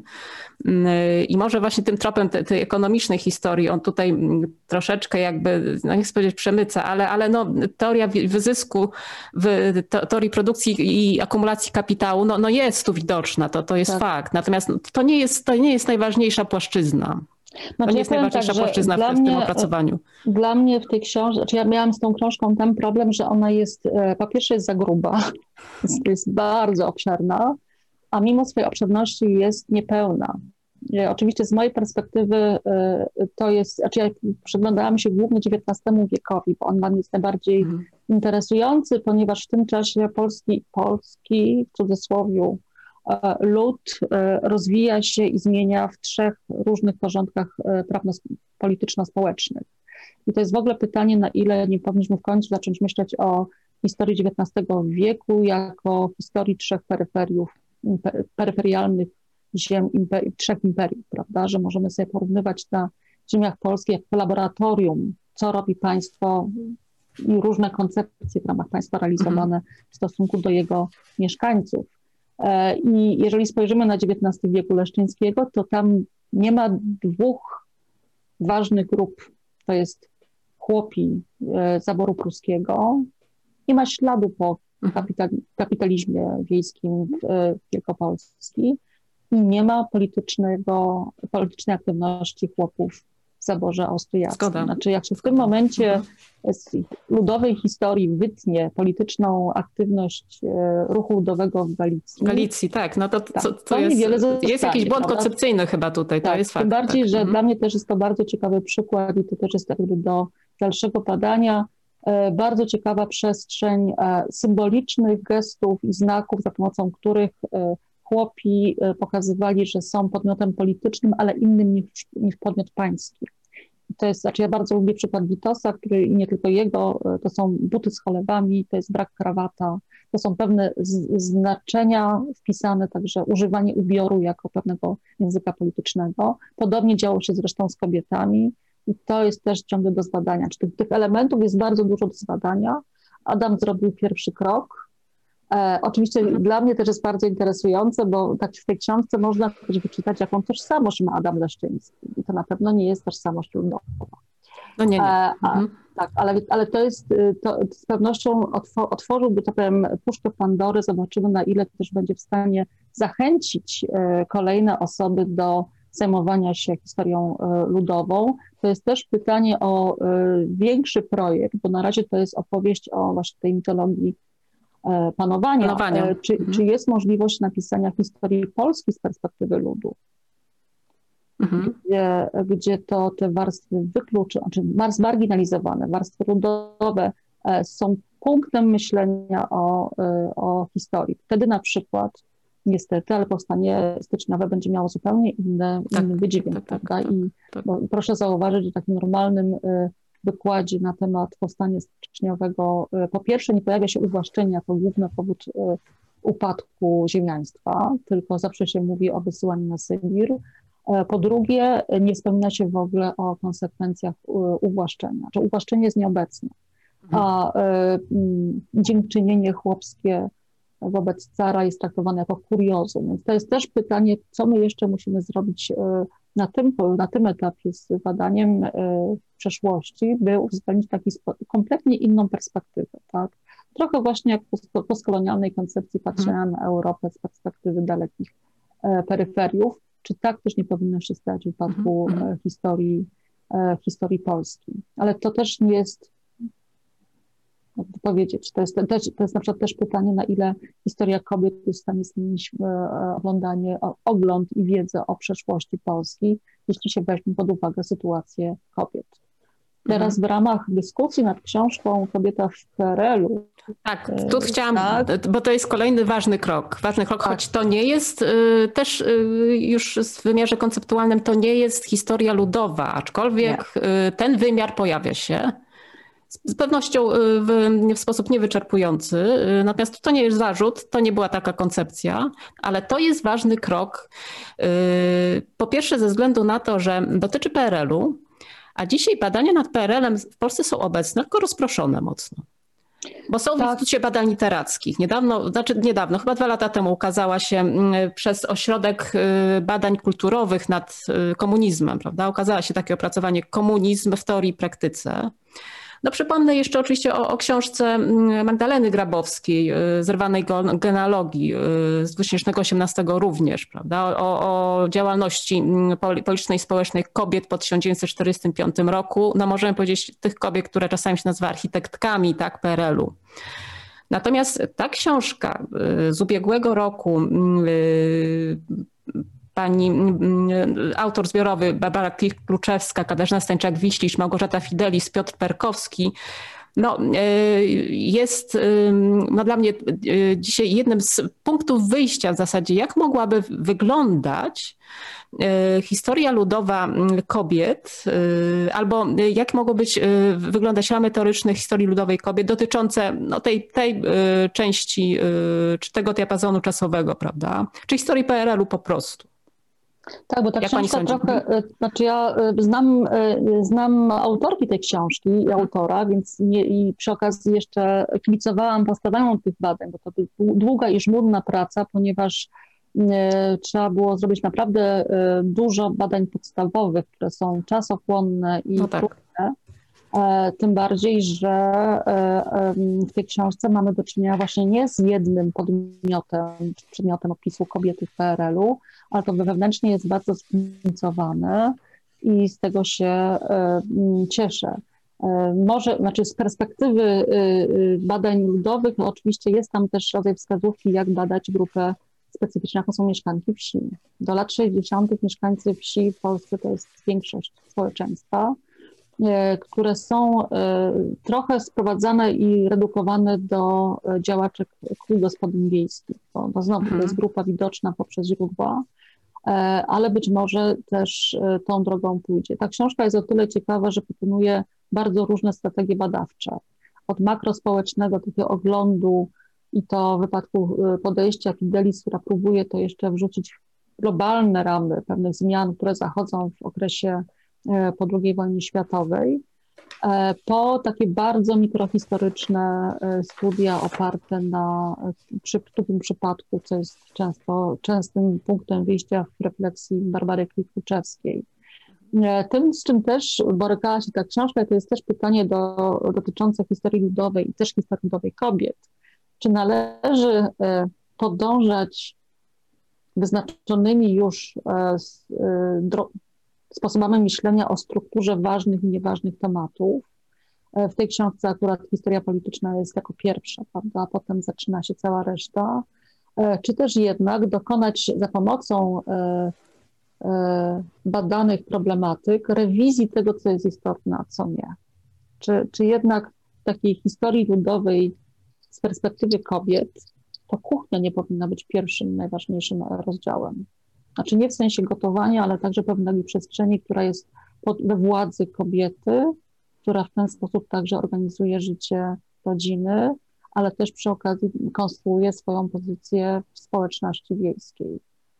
No, te kobiety, które potrafią zrobić dobry chleb, są oczywiście mm. wyżej cenione niż te, które pieką za karę. Czyli chodzi o, o, o, przestrzeń no, te, te, te, tego dyskursu ludowego. Tak, to jest a, a, pytanie... a, a trop awansu społecznego? No to jest coś, co nas w ogóle czeka w badaniach, bo te, i to już jest mhm. nie tylko historia ludowa kobiet, ale w ogóle historia ludowa. Tak. E, bo nagle się okazuje, że e, historycy przy całym swoim e, przywiązaniu do kategorii zmiany mają pewien problem, jak, ten, jak tą zmianę społeczną skonceptualizować. I wydaje mi się, ja jest, mam tego świadomość i wydaje mi się, że właśnie tutaj przestrzeń y, dyskursu ludowego, czy historia ludowa yy, dawałaby dobre pole do popisu. Też mi się tak Bo wydaje. awans, jeżeli chodzi o ludzi ze wsi, prawda, y, to nie tylko mobilność y, w różne strony, mobilność przestrzeni, ze wsi do miast, mobilność zawodowa, to dotyczy również kobiet, i ich wychodzenie z domu także, ale zmiany także w relacjach rodzinnych. Zaświadczenie ślubów choćby. Czy, no, no tak, y, tutaj te, te, tej relacji, prawda? Tutaj od razu zaznaczę, to nie jest też zarzut, bo, bo to nie o tym ta książka jest, ale yy, można by było dopisać rozdział o, o i świetnie perspektywa gender by wydaje mi się to, to, to naświetliła mm, o, mm, y, o PGR-ach. Tak, Czyli ale o tym, co, co działo się, tak, tak ale o tym, co działo się, co, co działo się po prostu po 1944 roku, nawet idąc takimi politycznymi mm, hmm. wątkami, czyli nieudana kolektywizacja na szczęście, ale która dotknęła tak czy inaczej bardzo wiele warstw, y, znaczy no, ludność wiejską jak najbardziej dotknęła, y, przymusowe dostawy choćby. Znaczy ja mam Także wrażenie, temat. Że, mhm. że temat y, y, kobiet na wsi, czy budowa, historia kobiet y, na wsi po 1945 roku będzie miała swoją badaczkę w postaci konkretnej osoby albo jej uczennic. Ja mam na myśli teraz profesor Ewelinę Szpak, mhm. która zaczęła swoją przygodę historyczną od zajmowania się badaniem PGR-ów E, robiła wywiady i przy okazji to jest bardzo też interesująca e, postawa badawcza, ponieważ nie ukrywa swoich korzeni, także jest tak. jakby zna PGR-y także nie tylko z, ze źródeł, ale ma też pewne doświadczenia rodzinne. E, I ostatnia praca o mentalności wsi w okresie PRL-owskim, więc jak gdyby pytanie, czy teraz nie czas, żeby Ewelina wróciła do tematu no. kobiet, ponieważ ten temat też pisała i też pokazujący, jak bardzo PGR jest inną przestrzenią, jeśli chodzi o porządek płci, e, z Otóż. tego względu, że są to jednak pracownicy e, przedsiębiorstwa rolnego, a nie gospodarze. A nie gospodarze, tak jest. Także tak. to jest I to, tam jest jeszcze taki wątek w, w PGR-ach. Ja, tak, ja, ja akurat y, znam to mm, z innych badań, takiej socjolożki mm, z y, Panowskiego Instytutu Badań nad Wsią, czy, czy Rozwoju Wsi Rolnictwa, Sylwii Michalskiej, która no właśnie y, też dotarła do takich źródeł, że mm, y, w PGR-ach poniekąd znaleziono rozwiązanie, które w PRL-u nie, nie, nie, nie miało rozwiązania, y, problemu, które, które nie miało dobrego rozwiązania, to znaczy losu kobiet samotnych z dziećmi. Akurat PGR-y w jakiś sposób to, to ułatwiały im życie, mówiąc krótko. Znaczy to też wymaga jakichś dalszych, to jest bardzo ciekawy, fascynujący w ogóle temat, co dzieje się na poziomie wzorców kulturowych w PGR-ze, który jest przestrzenią e, e, stygmatyzowaną przez w badaniach socjologicznych czy historycznych. To jest też pewien problem, na ile sami historycy radzą sobie z własnym bagażem kulturowym. Bo ja mam wrażenie, że polski historyk PRL-u definiuje się jako inteligent miasta. I nawet jeżeli ma korzenie wiejskie, którymś tam pokoleniu, to raczej będzie podkreślał, że jest inteligentem, prawdziwym inteligentem. To jest ten rodzaj e, przemocy symbolicznej, którą sami sobie robimy, że mało kto przyznaje się do korzeni innych niż, niż inteligenckie, w związku z czym historycy zamazują ewentualne ślady po, po awansie społecznym, które, jeżeli spojrzymy na źródła PRL-owskie, widać również pewien problem z akulturacją tych inteligentów, którzy E, że tak powiem, z przysłowiowego pastwiska trafili na uniwersytet, że oni po prostu muszą wszystkich rzeczy uczyć e, sami albo na nowo i to jest bardzo specyficzna, specyficzna grupa opisana w źródłach. I to jest też bardzo interesujące, jak inteligencja wielkomiejska opisuje tych e, intruzów, tak, którzy dostali się na studia dzięki punktom.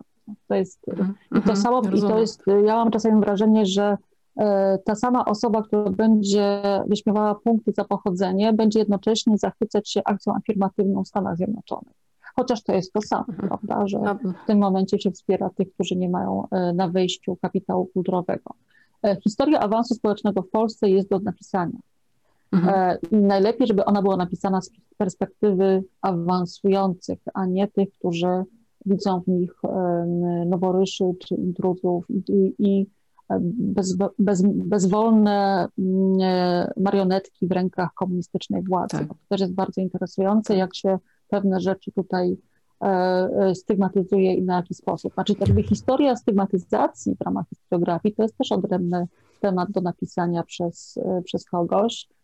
Jak, w jaki sposób stygmatyzuje się aktorki historyczne, trochę na ten temat już jest napisane, w jaki sposób e, e, odmienność narodowa, religijna, jakakolwiek służy do no, poniżenia, tak? Czy, Dyskryminowania po prostu. Tak. Dyskryminowania. To jest, to jest w ogóle pytanie, na ile humanistyka przy całym swoim afirmacyjnym niby potencjale przede wszystkim jest także narzędziem dyskryminacji.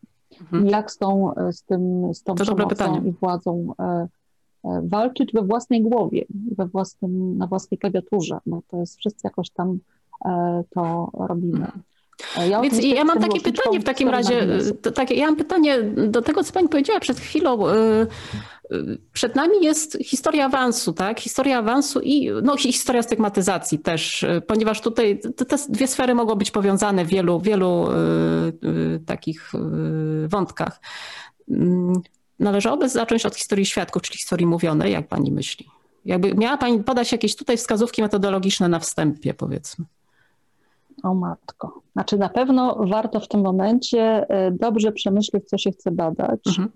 E, poczytać dobre e, przykłady no, dobrej historiografii mhm.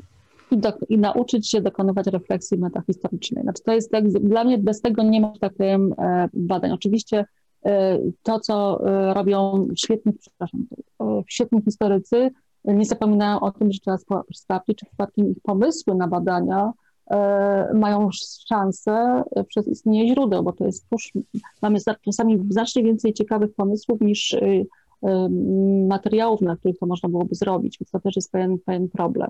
Ale wydaje mi się też, że przy całej tej refleksja metodologiczna, która jest niezbędna, E, ma służyć między innymi temu, tak bym chciała, żeby było, żeby historycy nauczyli się eksperymentować. Bo po to się tworzy potem mhm. teoretyczne modele, by później e, aplikować je do e, empirii, niekoniecznie oczekując odpowiedzi pozytywnych.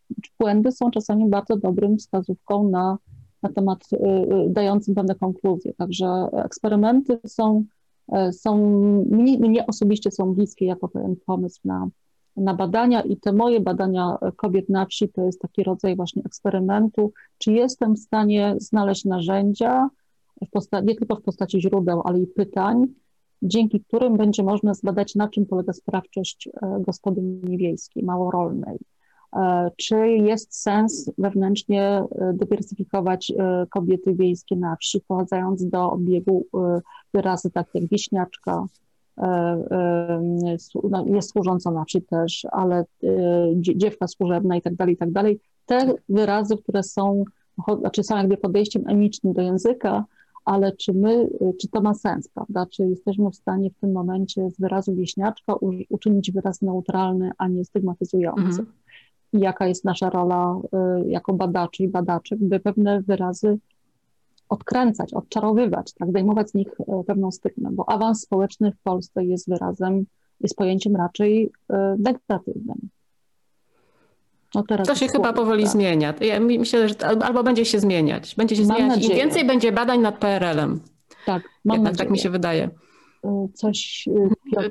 Piotrze, czy pytanie jest, tak? Tak. Pytanie.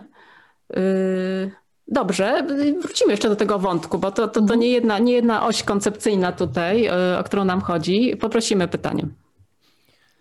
E, Tak, mamy kilka pytań i komentarzy. No, Zacznę może od pierwszego komentarza pani Edyty Chrobaczyńskiej-Plucińskiej, e, która w momencie, kiedy pani dyskutowała o źródłach e, i o pamiętnikach, e, dopisała taki komentarz, również listy, także nie wspomniały pani o listach jako, jako źródłach istotnych w tym przypadku.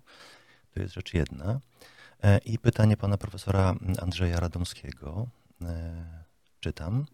E, Co pani profesor sądzi o możliwości pisania, napisania historycznej, wielogłosowej i trans, transdyscyplinarnej narracji o kobietach, przełamującej ograniczenia sztywnych perspektyw dyscyplinarnych? Jeszcze mamy trzy pytania, ale to może najpierw to, a, a później, Mhm. później następne odczytam.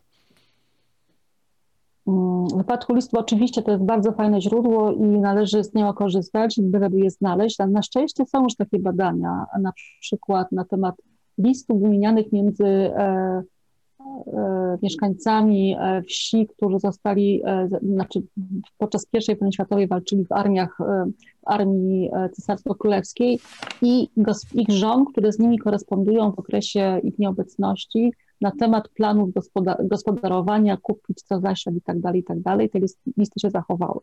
Ale to jest znowu problem, e, który mamy z, e, sytuacji e, no, po, polityki archiwalnej, prawda? Zachowujemy spuścizny raczej grup elitarnych. Czasem przez przypadek można znaleźć innego rodzaju materiały.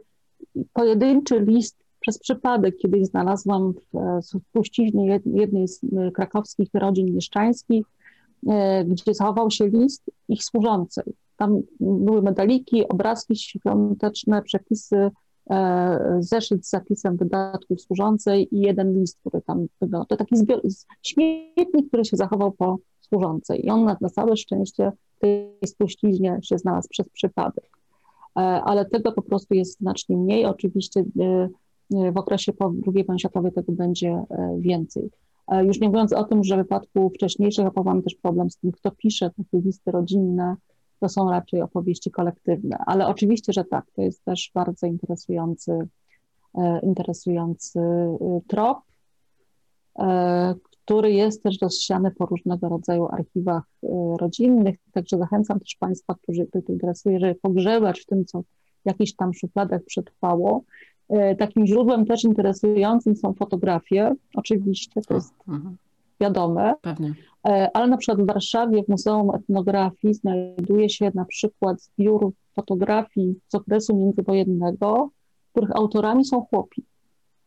I to jest bardzo interesujące, bo tam e, obiektyw jest inaczej ustawiony. Można, tak powiem, zobaczyć ten klasowy wymiar obiektywu. E, Pewnie też e, przydałoby się, by ktoś dokonał takiej ciekawej interpretacji kolekcji Zapierydet, e, która przez lata robiła te swoje portrety socjologiczne domów, między innymi wiejskich, ale to już jest taka bardziej skomplikowana, wielowarstwowa figura. Panie profesorze, w sprawie narracji, to jest super pomysł. Ja sądzę, że to jest nasza przyszłość, ale też jest pytanie, które ostatnio mi się pojawiło przy okazji e, dyskusji, rozmów z moimi e, przyjaciółkami liter- literaturoznawczyniami, które zajmują się także historią literatury z perspektywy kobiet. To są badaczki e, zgromadzone e, w ramach Archiwum Kobiet stworzonego przez Monikę Rudać-Grodzką. E, I ostatnio doszłam do wniosku, że my niestety jesteśmy w sytuacji, w której wszystkie mówimy w językach słowiańskich, które są do siebie bardzo podobne i dają złudę, że mówimy, że używamy tych samych terminów. Ale czasem te kluczowe terminy są inaczej skonceptualizowane, więc jest pewne, pewne, pewne pytanie, jak i co musimy zrobić, by pewne pojęcia i terminy sobie wzajemnie powyjaśniać, by mówić jednak o tym samym.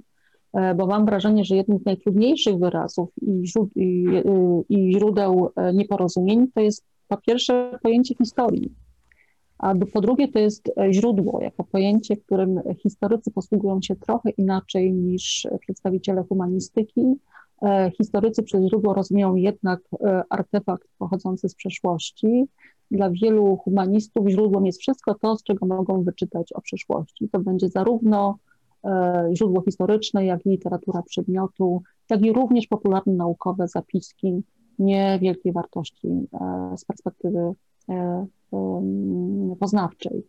Jak dogadać się no może potrzebujemy jakiegoś esperanto, które nas wszystkich połączy. Ja mam wrażenie, że takim tym esperanto jest e, metarefleksja i to jest metodologia. Tu możemy się dogadywać no, i możemy pokazywać też przy okazji potencjały, ale również pewne jak ograniczenia, że w ramach pewnych dyscyplin e, nie jesteśmy w stanie e, zrobić różnych rzeczy.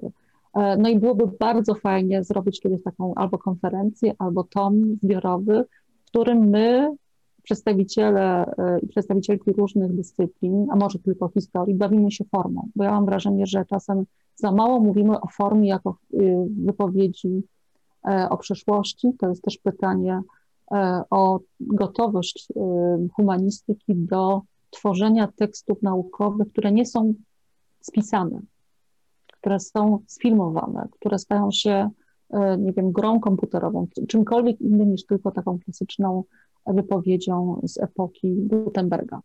Mhm. Ja się po, pozwolę jeszcze odnieść do tej kwestii, bo ona jest bardzo ważna oczywiście. Y, jedną z propozycji, przynajmniej w tym momencie w odniesieniu do historii kobiet y, chyba najlepszą w tym momencie, prawda? No jest perspektywa gender, która wymusza y, interdyscyplinarność, polimetodyczność powiedziałabym. I dlatego dobrym przykładem właśnie zobaczyć, jak to się robi, jak można to zrobić, jest y, książka kobiety, yy, historia kobiet 1945-89, o której właśnie mówiłyśmy. Tutaj autorzy wykorzystali koncepcję Joan Scott, już wspomnianej, i tu nie chodzi o samą kategorię płci kulturowej, czyli to gender osławiony, prawda? Tu właśnie o to chodzi, żeby mm, e, starać się wykorzystywać metodologię, podejścia teoretyczne z jednej strony mikrohistorii, tak jak zrobili to autorzy, z drugiej strony mm, e, case studies e, w przestrzeni etnograficznej, z trzeciej strony wręcz strukturalizm dynamiczny, w takiej socjologii makro, ma, makronarracyjnej nawet, prawda? W takim podejściu makro, makrostrukturalnym powiedziałabym, wreszcie historia kulturowa. No jest tam rozdział bardzo oczekiwany, tak mi się wydaje, też z perspektywy gender studies i w odniesieniu do historii kobiet, biopolityki, o biopolityce. Tutaj można byłoby rozwijać wiele wątków, nie tylko zdrowie, nie tylko reprodukcja i przemoc, czytam, czytam właśnie y, podtytuł tego rozdziału. Natomiast proszę zauważyć, że y, badania mm, nad biopolityką czy biowładzą wymuszają interdyscyplinarność, bo tu musi być nie tylko antropologia fizyczna czy biologiczna, antropologia seksualności, płci, ale również nauki polityczne, prawoznawstwo, ekonomia, wreszcie filozofia polityczna społeczna bioetyka. No i to są te przestrzenie, do których y, bez interdyscyplinarności, transdyscyplinarności ani rusz. I perspektywa gender jak najbardziej to wprowadza po prostu. Tak, znaczy biopolityka to jest coś, co jest obecnie przedmiotem zainteresowania Barbary Klik-Kluczewskiej. Chyba niedługo się ukaże pod jej redakcją e, anglojęzyczny tom o biopolityce. E, do której też doszło przez swoje inne badania na temat przemocy w rodzinie i tak dalej, i tak. Natomiast e, Barbara Klikłuczewska też jest przykładem historyczki, która na potrzeby swoich badań na temat e, życia prywatnego w Krakowie, a później badania na temat tabu i przemocy w rodzinie, przekopała się przez bardzo dużo lektur teoretycznych, metodologicznych, poszukując inspiracji poza, poza klasyczną historiografią. Dość powiedzieć o Mary Douglas, która była jedną z podstaw jej E, książki habilitacyjnej o e, tabi, tabu rodzinie i przemocy w okresie PRL-u. E, więc może to jest po prostu taki urok uczennic profesora Chwalby, że my tam mhm. zawsze w tej teorii gdzieś grzebiemy, po to między innymi, żeby w tych tematach, które są nowe, które wydają się do nie, nie do zrobienia, znaczy znaleźć jakby legitymizację w postaci już istniejących koncepcji teoretycznych, ale też pewnej ciekawości, do której byłyśmy e, przyzwyczajone. Także sama jestem ciekawa, co będzie dalej. Na razie wiem, bo to powstaje w ramach e, kończ kończącego się właśnie grantu, w którym, e, w którym jest również Barbara i Katarzyna Stęczak-Wiślicz, mianowicie ich obecne analizy dyskursu eksperckiego, bo to jest też pytanie, co się dzieje na poziomie wiedzy socjologicznej powstającej w latach 60., 70., w jaki sposób ona nie ta, ta wiedza socjologiczna, ekspercka nie tylko konstruuje nasze wyobrażenie o przeszłości, bo my trochę czytamy te teksty jako transparentne i obiektywne w stosunku do badanej rzeczywistości społecznej, ale także jako pewnego instrumentu kształtowania właśnie polityki y, i e, porządku płci. Sama jestem ciekawa, co im z tego e, wyjdzie, e, bo sięgnęły po prostu także po, to też jest taki rodzaj brikolażu, to, to nie jest tylko badania dyskursu eksperckiego, ale także analizy biograficznej, ponieważ tutaj biografie poszczególnych badaczek są też przedmiotem ich analizy. Mhm. To też jest dość interesujący przykład, ponieważ w tych poszukiwaniach biograficznych e, wyszło, że płeć nie była istotna. I to jest jeden z, jedno z klasycznych pytań, które się zadaje przy okazji historii gender, w odniesieniu do historii kobiet. Czy kategoria płci miała znaczenie? Jeśli tak, to dlaczego? Jeśli nie, to dlaczego? Mhm, mhm. E, I to jest raczej pytanie otwierające, e, a nie rozstrzygające. Z tego względu między innymi historia feministyczna w tym wydaniu takim bardzo popularnym i niepogłębionym e, e, refleksją metodologiczną i badaniami podstawowymi jest wyśmiewana, ponieważ tam bardzo często pojawia się to założenie, że kobiety zawsze były dyskryminowane. Nie zawsze nie przez wszystkich. Szlachcianka na pewno nie była dyskryminowana przez no, swojego chłopa mężczyźnianego, prawda? Więc dzisiaj uwzględniamy te różne kategorie, łącząc je ze sobą i moim zdaniem historycy to robili znacznie wcześniej niż socjologia, która teraz odkrywa intersekcjonalizm jako podejście badawcze. Więc e, nie zawsze jesteśmy tak zapóźnieni, jak nam się e, to wydaje, więc to jest jakaś tam nadzieja, ale też wydaje mi się, że bez, e, bez wyjaśniania czy pokazywania, bo to jest, to jest moja misja i rodzaj ostatniej fiksacji, walki z tą, z tą praktyką pisarską e, historyków, którzy bawią się w wszechwiedzącego, ale niewidocznego narratora. E, w związku z czym mało kto orientuje się, jak trudną pracą na poziomie konceptualizacji i narratywizacji swoich, wyniku swoich, znaczy interpretacji źródłowej jest ostateczny efekt. Znaczy my chowamy wszystkie pastryki po to, żeby to wydawało się oczywiste. E, a mam wrażenie, że historycy najwyższy czasu powinni się e, chwalić swoim warsztatem pod warunkiem, że go opiszą zgodnie ze współczesnym językiem metodologicznym, czyli umieszczą go w tych te ramach teoretycznych. Mhm. Oczywiście znakomity pisarz może wiedzieć, że mówi prozą, ale dobrze by było, żeby jednak taką wiedzę też posiadł i mógł się tym pochwalić. Jasne. Pytania, Piotrze? E, tak, e, na początek może tylko e, podzielę się taką krótką refleksją, że jest mi bardzo, blisko te, bardzo bliska teza mówiąca, że język, teorii i metodologia mogą stanowić esperanto dla, dla nauki. I jeszcze bliższa jest mi teza, która mówi o przezwyciężeniu ograniczeń galaktyki Gutenberga i poszukiwania nowych form dla refleksji naukowej, historycznej, zwłaszcza w perspektywie audiowizualności. My staramy się robić to od wielu lat, tak taką jest. refleksję prowadzić w Instytucie Historii UMCS w Lublinie. Także ty, tym bardziej cieszy mnie, że, że mamy zwolennika w pani profesor w tym, w tym obszarze. Ale dobrze, przejdźmy do, do pytań. Jeszcze pan profesor Andrzej Jardomski tutaj zrobił taką uwagę. Może przedstawię ją, a potem zaprezentuję pytania pani profesor Anny Ziembińskiej-Witek. Otóż pan profesor Radomski pisze jeszcze tak, a może jeszcze koncepcja czwartoosobowego narratora Olgi Tokarczuk, jeśli dobrze ja rozumiem. E, to jest ten dopisek pana profesora. I teraz może dwa pytania pani profesor Anny Ziembińskiej-Witek. E, pierwsze pytanie. E, jakie pani profesor widzi kierunki rozwoju historii kobiet w XXI wieku? Jakie tematy będą dominowały? I drugie pytanie, które jest kontynuacją w pewnym sensie pierwszego. Czy historia kobiet wypracowała swoją metodologię badań? Czy są to badania interdyscyplinarne? A jeśli tak, to do jakich dyscyplin najchętniej sięgają? No to jest trudne pytanie, bo to znaczy w tym momencie pojawia się takie dwumyślenie, czy chcemy rozwijać i e, myślę o przyszłości historiografii, historii kobiet w Polsce, e, czy jednak o kategoriach bardziej globalnych. Tu mam problemy, tym bardziej, że historia kobiet już jest, e, jest pewnym rodzajem, czy jest oczywista, prawda? Pojawia się głównie w ramach historii kulturowej, być może zobaczymy, czy dojdzie do zwrotu w kierunku historii społecznej. Znaczy ja jednak nie jestem aż taką wizjonerką jak profesor Domańska i do, do tego jeszcze nie, nie dotarłam, prawda? Jest jedno z moich traumatycznych doświadczeń, że, że zacznę od anegdoty, to jest spotkanie na, jakiejś, na jakiejś konferencji we Wrocławiu, czy warsztatach konferen na konferencji we Wrocławiu, gdzie tuż po obronie doktoratu e, mówiłam o tym, że no, gender bardzo ważna kategoria, musimy to rozwijać, a ktoś z sali mówi, ale profesor Domańska powiedział, że to już jest passé, tak? To był 2000, 2000 rok. Passé. Więc e, na pewno jesteśmy w trochę innym miejscu, jeśli chodzi o historię kobiet w Polsce. Mnóstwo rzeczy jest do zrobienia.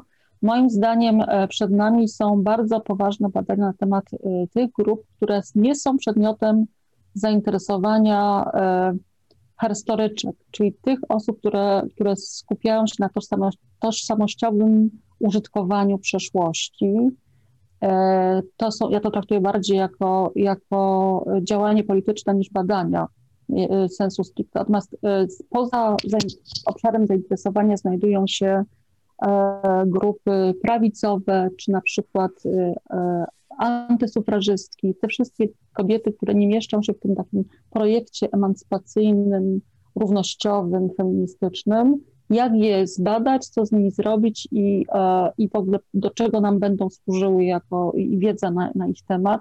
To jest oczywiście też kwestia wyjścia w kierunku kolejnych grup, które są e, zmarginalizowane, bo to jest pewien paradoks badań e, tematów, które są poboczne, peryferyjne, zmarginalizowane, te grupy, które są na, na tych peryferiach, że badając je, tworzymy kolejne peryferia. E, zajmując się kobietami, e, ignorujemy fakt, że są one zróżnicowane ze względu na klasę, wyznanie, pochodzenie spo, społeczne, narodowość i tak. E, jak już je zbadamy, to pojawia się kolejna grupa, pytanie, a co z heteronormą i jej przełamaniem. Także za każdym razem jest coś mniejszego, coś niedostrzeganego. Stąd pytanie, czy w ogóle historia kobiet, podobnie jak historia ludowa, choć obie mają tendencję do e, budowania takiej wielkiej narracji, nie, po, nie powinny pójść w kierunku e, jednak tworzenia opowieści e, kalejdoskopowej, mozaikowej, gdzie, gdzie po prostu zamiast, zamiast jednej opowieści jest to rodzaj patchworku z różnych punktów, opowiadanych z różnych punktów widzenia. To nawet nie chodzi o to, żeby zbudować opowieść o różnych grupach kobiet, czy o różnych kobietach, ale żeby stworzyć coś, w czym będą na przykład współbrzmia, współistniałe, one nie muszą współbrzmieć, badania uprawiane w różnych paradygmatach. Między innymi po to, żeby pokazać, jak bardzo e, te wybory paradygmatyczne mają wpływ na ostateczne e, odpowiedzi. E, czyli znowu jakieś eksperymentowanie z rodzajem dialogu albo wymiany, albo sporu, bo ja tak mówiłam, nie ma wiedzy, przyrostu wiedzy bez wspierania się. Jak nie ma sporu, to wszystko jest, zaczyna być taką no, smutną przestrzenią umierającej dyscypliny historycznej. E, poza tym jest jeszcze jeden element, który nas także czeka, e, trochę, trochę zrobione, a trochę nie. E, to są badania w zakresie pamięci zbiorowej. Znaczy nie bez racji mówię teraz o tym ze względu na panią profesor Tak, mianowicie przyjrzeć się temu, jaką funkcję e, pełniły wszystkie wypowiedzi w dyskursie emancypacyjnym, chociażby e, e, znaczy jako form, jako praktyce tworzenia pamięci zbiorowej kobiet, czy to w XIX wieku, czy to w dwudziestoleciu międzywojennym, czy na przykład to, co się teraz dzieje i to, to będzie na pewno przedmiotem dalszych badań E, co, jaką funkcję pełni historyczny boom, który nastąpił mniej więcej w 2015-2016 roku i jakimi opłotkami e, podąża. E, no wreszcie dość interesujący obecnie rozwijający się nurt konserwatywnej historii kobiet, czy nacjonalistycznej historii kobiet, która się ma całkiem dobrze w Polsce. To są te wszystkie panny wyklęte i inne opowieści o kobietach walczących z komuną, no, takich, no też takie dość interesujące są te, te, są te wizje przeszłości, które też wymagają w tym momencie oglądu. Mamy zaległości i to tu w Polsce bardzo wyraźnie z badań nad przemocą seksualną e, w czasie wojny.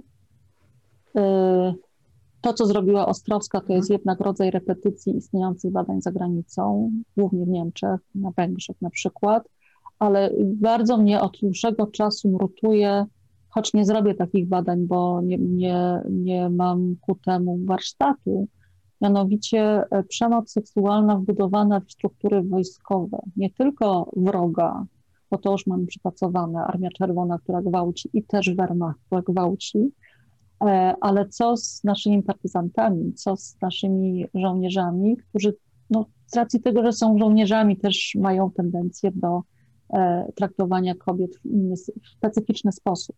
Nie dlatego, że są potworami, ale dlatego, że taka była epoka i takie wtedy panowały wzorce kulturowe. To jest szalenie trudno zbadać, ale być może to się uda. E, bardzo bym chciała, żeby e, e, historycy zajmujący się filmem też przyjrzeli się, jak ten dyskurs przemocowy jest konstruowany w, okres, w okresie powojennym, jak się zmienia i co się dzieje w tej przestrzeni. W tej przestrzeni pomijam taką kwestię jak reprezentację kobiet w filmach wojennych. Mm, ostatnio oglądając dla przyjemności Klosa, nie mam co robić, to oglądam Hansa Klosa tam te piękne dziewczyny walczące z, e, z trzecią Rzeszą są ubrane e, i wyglądają jak współczesne kobiety. One nie są, nie są poddane historyzacji, co też jest bardzo interesujące samo w sobie. Więc można po prostu strzelać tematami wokół i nie wyczerpiemy wszystkich. Natomiast tym, co jest konieczne, i to jest pewnie pewien problem, który się dzieje, to jest przyswajanie tej wiedzy, która już jest. Znajomość historiografii nie jest wcale aż tak po, po, powszechna e, i zauważyłam niebezpieczną tendencję zaczynania e, badań od e, źródeł, a nie od tego, co już zostało zrobione. I od szukania metod albo operacjonalizacji pewnych rozwiązań, które nam przychodzą do głowy. Stąd między innymi bardzo popularny pomysł na prace magisterskie i doktorskie Kobieta w PRL. No mam nadzieję, że książka e, czwórki autorów załatwi sprawę i już nie takiego tematu e, na e, pracę doktorską czy magisterską nie będzie wymyślał, bo to też miało miejsce, prawda, że to, to jest dość interesujące i prawdopodobnie czeka nas napisanie na nowo historii tej specyficznej epoki, jaką jest stalinizm. Bo okazuje się, że z perspektywy kobiet to wygląda trochę inaczej ale też wiem, że ten fragment w książce e, o kobiecie PRL budzi największe wątpliwości, jak można mówić o pozytywnie o okresie stalinowskim. Choć z perspektywy kobiet jest on najbardziej, nie, nie jak najbardziej, ale ma swoje pozytywne e, komponenty. Mhm. Ja tylko y, króciutko nawiążę do tego wątku przemocy przemocy wobec kobiet. Czy pani nie sądzi, mm, bo mnie to od pewnego czasu nurtuje, że jest to zagadnienie, mm, którego nie wyjaśnia żadna perspektywa.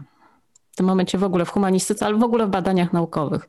Uniwersalności przemocy kobiet i w czasie, i w przestrzeni, i ponadkulturowo Niezależnie od, od rozwoju, yy, poziomu rozwoju społeczeństw i tak dalej. ja wydaje mi się, że, że przemoc, przemoc i płeć są też e, genderowo zróżnicowane i to można zrobić. E, mhm. I to się powinno robić. To jest znowu, odwołam się do Tomasza Wiślicza, który dla mnie jest taką, takim rodzajem wiedzy ostatecznej o epoce, której nie znam, czyli o nowożytności E, kwestia przemocy jest czymś zupełnie innym w tamtej epoce niż późniejszych, czy coś, na co zwróciła uwagę jedna z badaczek e, na jednej z konferencji, mianowicie ona zajmowała się e, badaniem wojny japońsko-rosyjskiej, gdzie okazywało się, że pojawiają się plakaty propagandowe, gdzie obiektem przemocy japońskiej jest żołnierz rosyjski. Tam się w ogóle kobieta nie pojawia. Więc też e, kwestia przemocy zmienia swoje znaczenie w różnych epokach, już nie mówiąc o tym, że dzisiaj e, e, w ramach refleksji na temat przemocy rozróżniamy różne jej etapy i różne jej poziomy. Takim przykładem kulturowo zdefiniowanej przemocy seksualnej jest jest y, nakazanie czy rozebranie kobiety. To, to nie u każdej kobiety, nie w każdym miejscu na świecie wywołuje od razu poczucie wstydu. bo przemoc opiera się także na reakcjach wyłuczonych w ramach danej, danego kręgu kulturowego. Także to też się bardzo mocno różnicuje i tu nie byłabym, że tak powiem, przekonana, co z tym zrobić. Tym bardziej, że mamy jeszcze jeden kolejny etap badań, które ktoś musi zrobić, e, najlepiej jakiś zespół, to jest przemoc kobiet seksualna, znaczy kobiety jako tak, tak. podmiot przemocowy, niekoniecznie tylko i wyłącznie w kontekście wojny, ale bardzo y, przy całym, że tak powiem, szacunku dla, dla refleksji feministycznej i tego, że jednak najczęściej to kobiety są przedmiotem przemocy, nie tylko seksualnej, jest tych poziomów znacznie więcej. I czy dobrze byłoby także je uwzględniać? Ja po prostu y, nie źle znoszę wizję kobiety niebiańskiej, anielicy, która po prostu nie jest, jest zdolna do żadnych złych czynów. I to, I to też jest coś, co, co czeka nas e, w przyszłości, tego typu rodzaj badania. Podobnie zresztą jak e, gender, genderowanie praktyk politycznych, bo mam wrażenie, że tutaj mamy dużo rzeczy do zrobienia, jeśli chodzi o przyglądanie się praktykom politycznym, praktykom władzy z perspektywy płci. Mhm. Tak, Piotrze? E, jeszcze mam jedno pytanie e, i skorzystam z okazji, może ja zadam pytanie. Ten wątek się pojawił trochę już, natomiast e, on wydaje mi się, on jest dla mnie interesujący. Mianowicie chodzi mi o to kino historyczne, które pani profesor wspomniała. Mianowicie chciałem zapytać o to, czy historyczki kobiet zajmują się w ogóle filmem, czy interesują się filmem jako przedmiotem badań, jako, jako źródłem do badań historii kobiet. Jeśli tak, to w jaki sposób? E, i czy faktycznie mm, dobrym pomysłem jest to, żeby czekać, aż e, filmoznawcy czy filmoznawczynie zajmą się tym e, tematem, czy nie, nie, nie byłoby to interesujące i, i ciekawe właśnie dla historii kobiet jako, jako pewnej formy refleksji tak, o przeszłości, żeby to jednak historycy czy historyczki tym tematem się zajmujące też sięgały do kina i próbowały, próbowały analizować ten, ten obszar.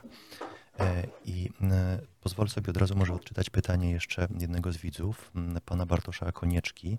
Ono też w pewnym sensie nawiązuje do tego wątku, który się pojawił, mianowicie kobiet w okresie II wojny światowej i, i, i partyzantów.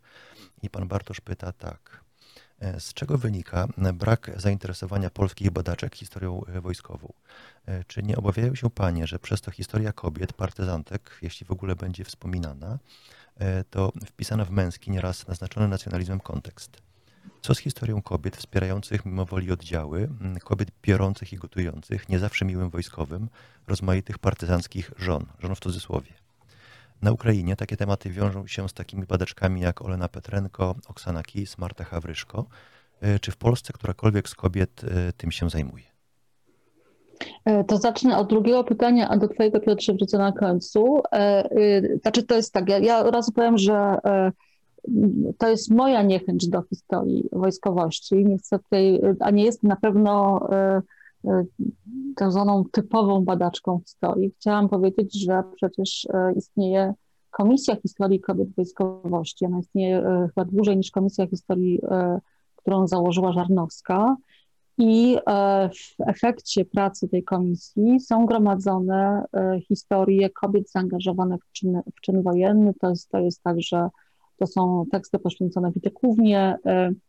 Oczywiście tu jest pytanie, pytanie, jak dalej to rozwijać, tym bardziej, że e, to, o czym Pan mówił, ciekawe byłoby poprzez prowadzenie wątku płci kulturowej do badania historii formacji wojskowych, tu nie chodzi tylko oczywiście o przemoc, ale także chociażby o dostrzeżenie, obejrzenie wojny jako czegoś więcej niż tylko udziału w walce z bronią w ręku, ale również tej całej logistyki, która towarzyszy, mm, towarzyszy e, wojnie, pranie, gotowanie, e, e, ranni, informacje, którą się przekazuje i tak dalej, i tak dalej. Tam oczywiście kobiety są obecne.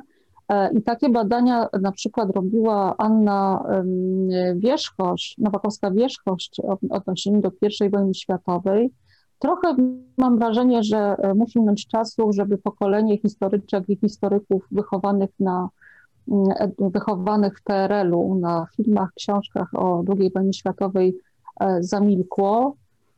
bo z mojej własnej perspektywy to były takie tematy, które się przejadły, prawda? Ile można partyzantce? No to, bo to było wszędzie.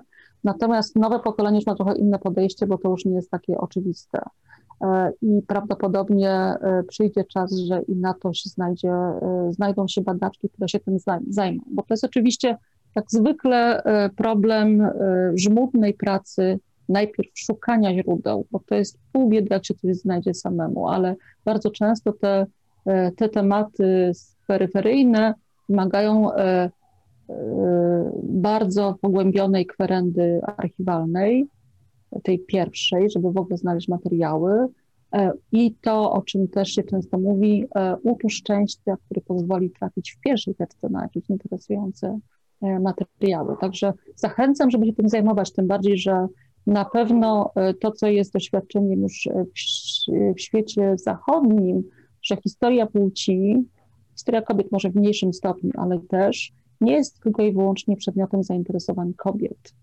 E, tutaj bardzo różne, różne osoby się tym zajmują, już nie mówiąc o tym, że po prostu płeć wprowadza się do refleksji historycznej na równi z innymi kategoriami różnicującymi. Wszystkim polecam zawsze tekst Pawlika Keneya e, o kategorii gender w badaniu e, oporu politycznego w Polsce w PRL-u, gdzie pokazuje, jak się ma porządek płci do stanowiska Solidarności Kościoła i partii. O dziwo współdzielących ten sam pomysł, że polityka to nie dla kobiet. To tak na marginesie, na marginesie tego pytania.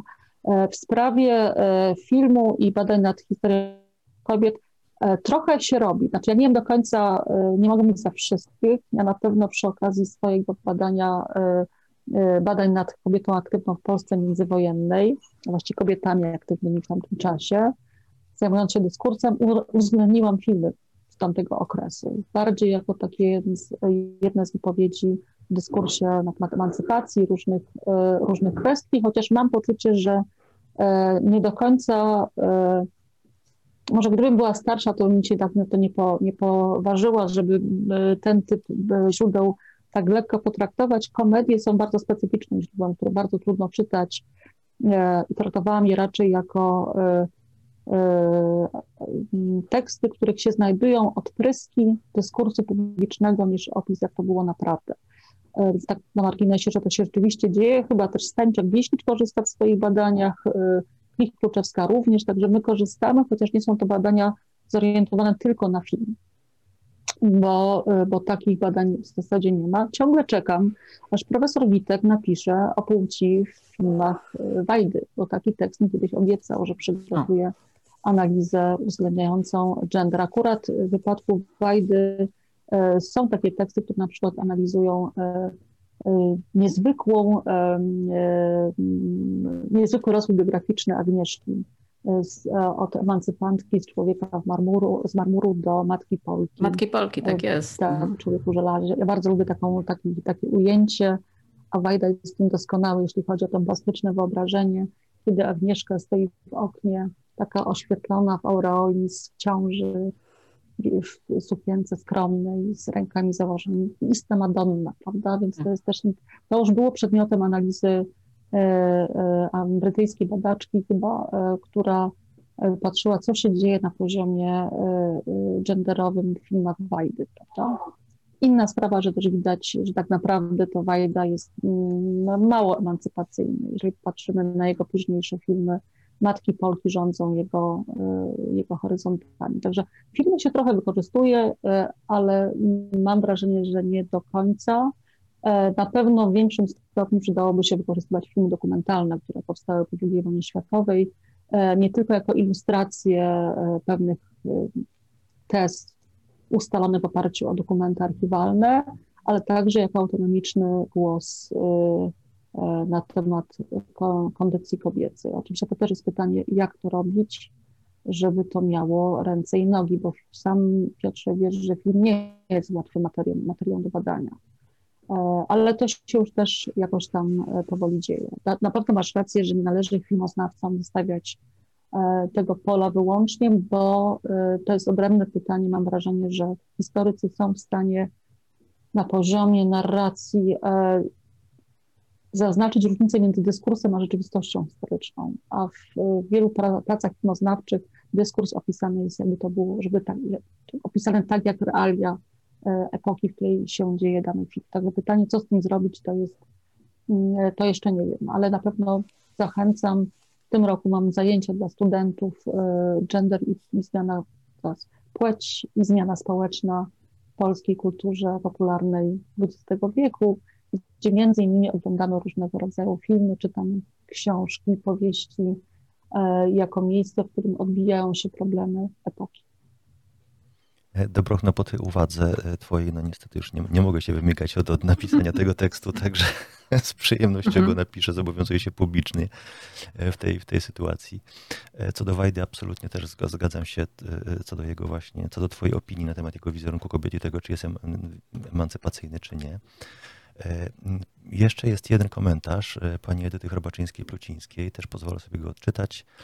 E, Pani mm, profesor podaje tutaj e, przykład e, jednej z pozycji, która mogłaby posłużyć właśnie jako ilustracja tego, o czym była mowa. Jest to Anna Marcinkiewicz-Kaszmarczyk, Kobiety w obronie Warszawy, Ochotnicza Legia Kobiet 1822 i Wojskowa Służba Kobiet ZWZK 3945, wydanie Warszawa 2016 i to może być dobro, dobrym przykładem dobrej ilustracji właśnie tego, o czym, o czym była mowa wcześniej, tak? To a propos właśnie Tak. tego okresu II wojny światowej i Oczywiście znam, znam nazwisko, już niekoniecznie samą panią, która to napisała, natomiast nawet czytałam jeden jej tekst, ale to jest jakby wpisuje się w taki klasyczny tekst historii kobiet, która stara się e, przede wszystkim e, spełniać standardy klasycznej historii e, Polski, czyli takiej historii, którą znamy, obiektywnej, e, opartej na źródłach. E, I dobrze, bo takie teksty też są bardzo potrzebne. E, nikt nie jest w stanie zrobić badań podstawowych na każdy temat. Także ja zachęcam e, wszystkich, żeby takie badania podejmowali. E, wobec tego nie ruszymy do przodu. A tam metodolodzy będą eksperymentować, to już jest ich zadanie, żeby takich, albo zachęcać innych do No, eksperymentowania. raczej zachęcać, żeby historycy eksperymentowali troszkę, no, E, zwłaszcza znaczy, z nowymi że- zwrotami, trendami, orientacjami i tak dalej. Pani, pani, pani powiedziała ciekawą rzecz tutaj w odpowiedzi na mm, pytanie profesor Ziembińskiej-Witek, że y, no, już nastawiają się na eksperymenty trans, y, trans paradygmatyczne czy interparadygmatyczne, tak? No, to jest odważna teza. Znaczy odważny Znaczy- postulat w odniesieniu do historyków zwłaszcza, tak mi się wydaje. Znaczy, wydaje mi się po prostu, że bez takich prób, takiego kolażu paradygmatycznego nie, nie będziemy w stanie e, uświadomić e, odbiorcom tekstów historycznego, jak bardzo ważne są te ramy te paradygmatyczne, bo oczywiście możemy sobie o nich rozmawiać na poziomie meta, ale... I robimy to. e, Tak, ale przydałoby się, żeby pokazać, jak to w praktyce działa. Jak to działa. Mhm. Moich, moich starych doświadczeń z okresu tuż po transformacji ustrojowej e, można było e, znaleźć czy poczytać teksty, e, które w treści były antykomunistyczne, ale realizowane zgodnie z paradygmatem marksistowskim. Po prostu ktoś się nie wyzwolił z tych Hmm. wszystkich rzeczy, które zostały mu wpojone wcześniej. I to jest, e, i to i warto byłoby, żeby jeżeli ktoś mówi, to mówił zgodnie z, e, znaczy widział po prostu konsekwencje dokonywanych wyborów. E, Ale mam wrażenie, że taki dopiero e, taki eksperyment, który pokazuje na przykładzie tekstów praktycznych, jak to wygląda, byłoby dość interesujące. No, z całą pewnością. do tego nie namówię, żeby zrobili taki eksperyment. Z całą pewnością. Y, pa- Pani profesor, y, pewnie już jesteśmy bliżej końca niż początku, ale mm, y, jeszcze, jeszcze żeby dopełnić y, temat dzisiaj poruszany, prawda? Wrócę do tych osi. Mm, Idąc tropem pani również wydawnictw, redakcji oraz tytułu jednego z projektów grantowych, chciałabym właśnie od tego ostatniego zacząć. Historia gender jako przedmiot wiedzy, teoretyczne ramy i praktyka badawcza polskich studiów nad przeszłością kobiet na tle międzynarodowym. Y, No, ten pierwszy człon wskazuje na taki trop pomianowski, prawda? Historia jako przedmiot wiedzy. Mm, I Tak. od razu na- nasuwa skojarzenie, że mm, gender jest tu rozpatrywane jako zagadnienie y, epistemologiczne przede wszystkim, prawda? Ale po Mhm. części też y, jako zagadnienie polityczne, mi się wydaje. A przynajmniej jest tu tworzony, bo nie znam treści tego, tego projektu, jest tu tworzony powiedzmy jakiś przewodnik po tym dyskursie, Mógłby on być świetnym tłem dla zwrotu ludowego w historii kobiet.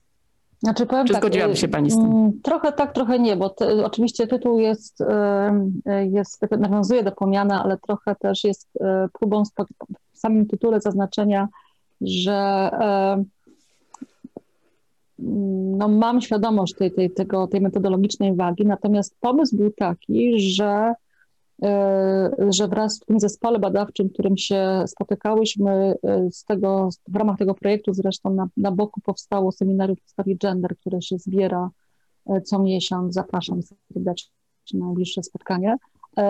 Chodziło też między innymi o to, o poszukanie nowych kategorii bo gender jako takie jest, y, nie satysfakcjonuje wszystkich, mhm. już nie mówiąc o tym, że jest dla mnie kategorią trochę taką burżuazyjną, że użyję pojęcia z minionej epoki, w tym sensie, że doskonale rozma- znaczy zamazuje um, różnice klasowe czy różnice mhm. wynikające z tej całej hierarchii Zgoda. społecznej.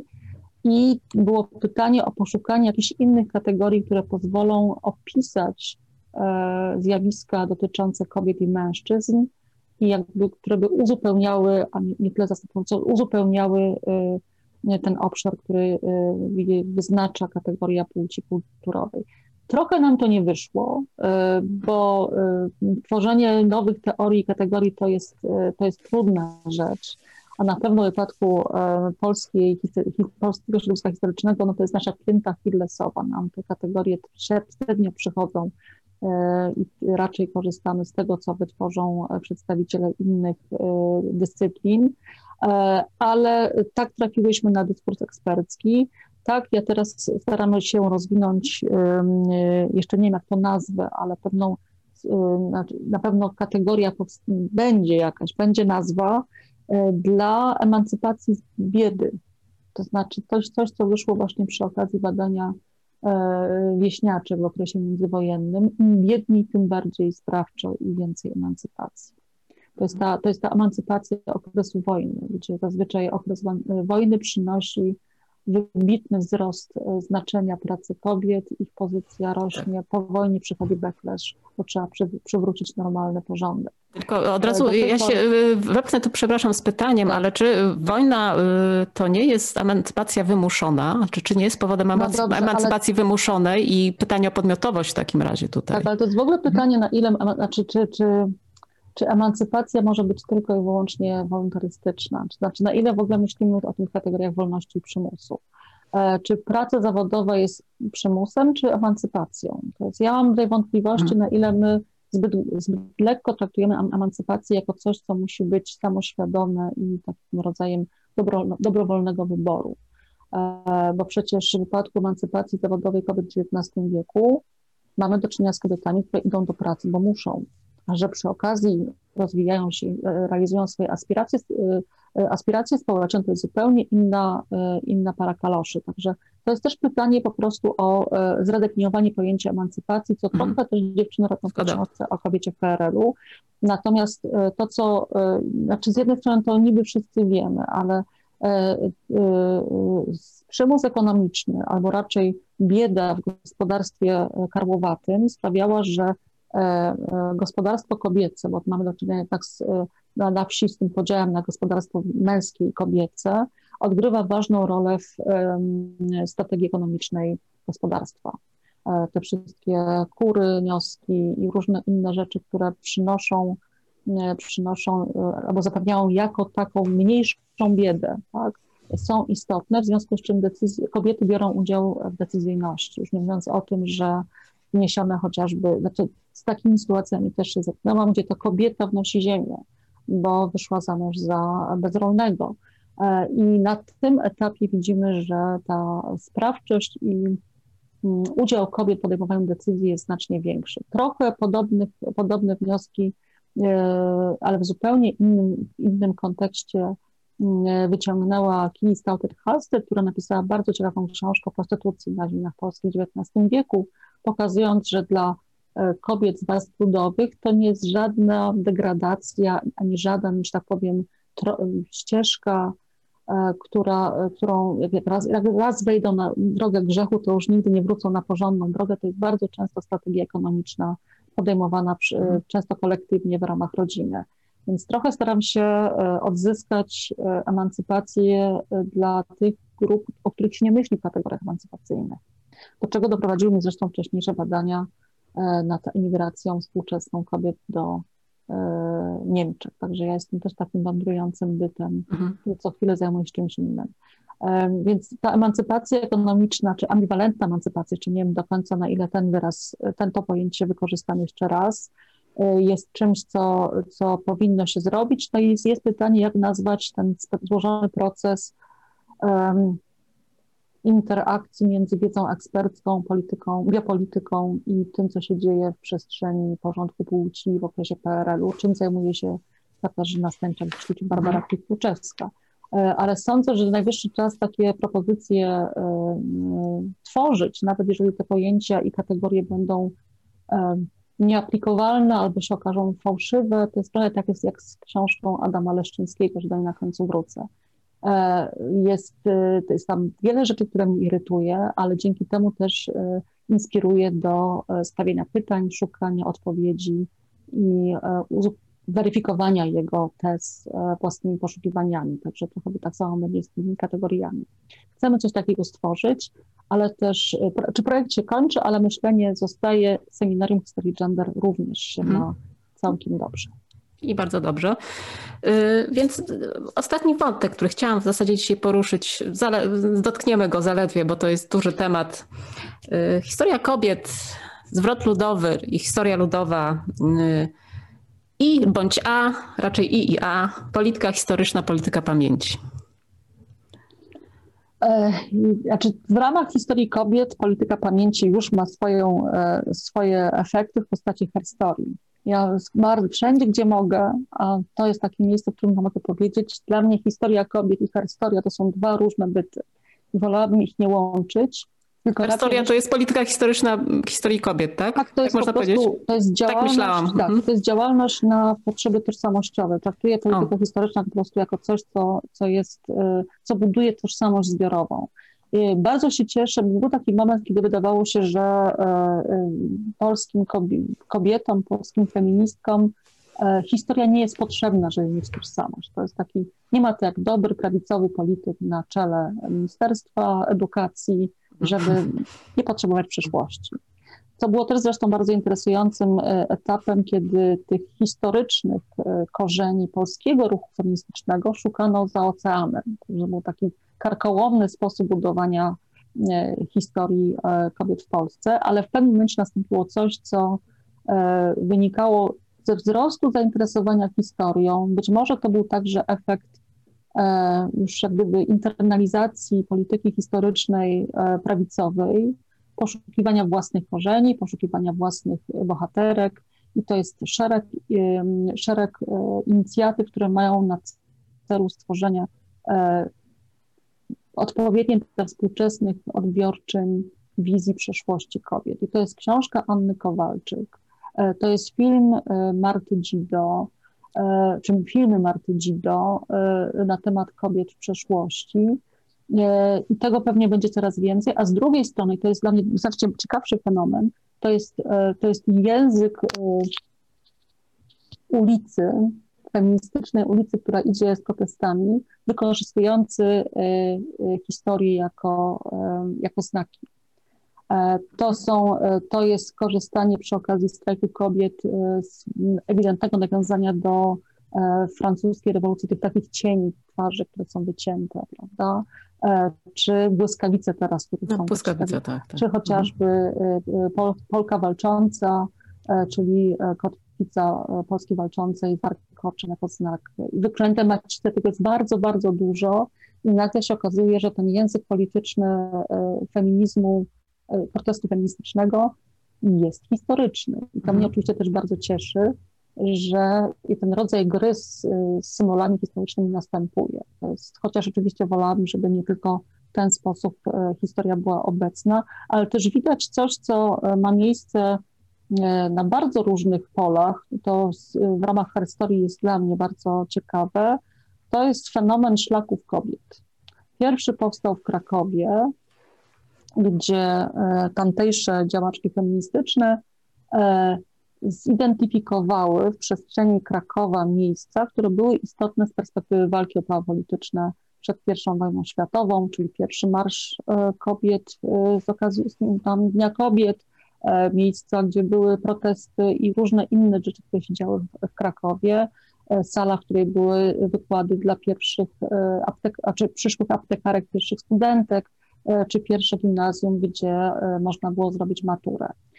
Nie tylko, że zlokalizowały także miejsca mieszkania ważnych, ważnych działaczek, nie tylko opisały to, ale również stworzyły grę planszową, e, robią e, obchody po Krakowie, można zamówić wycieczkę śladami kobiet w Krakowie, także Żydówek mieszkających e, w żydowskiej dzielnicy.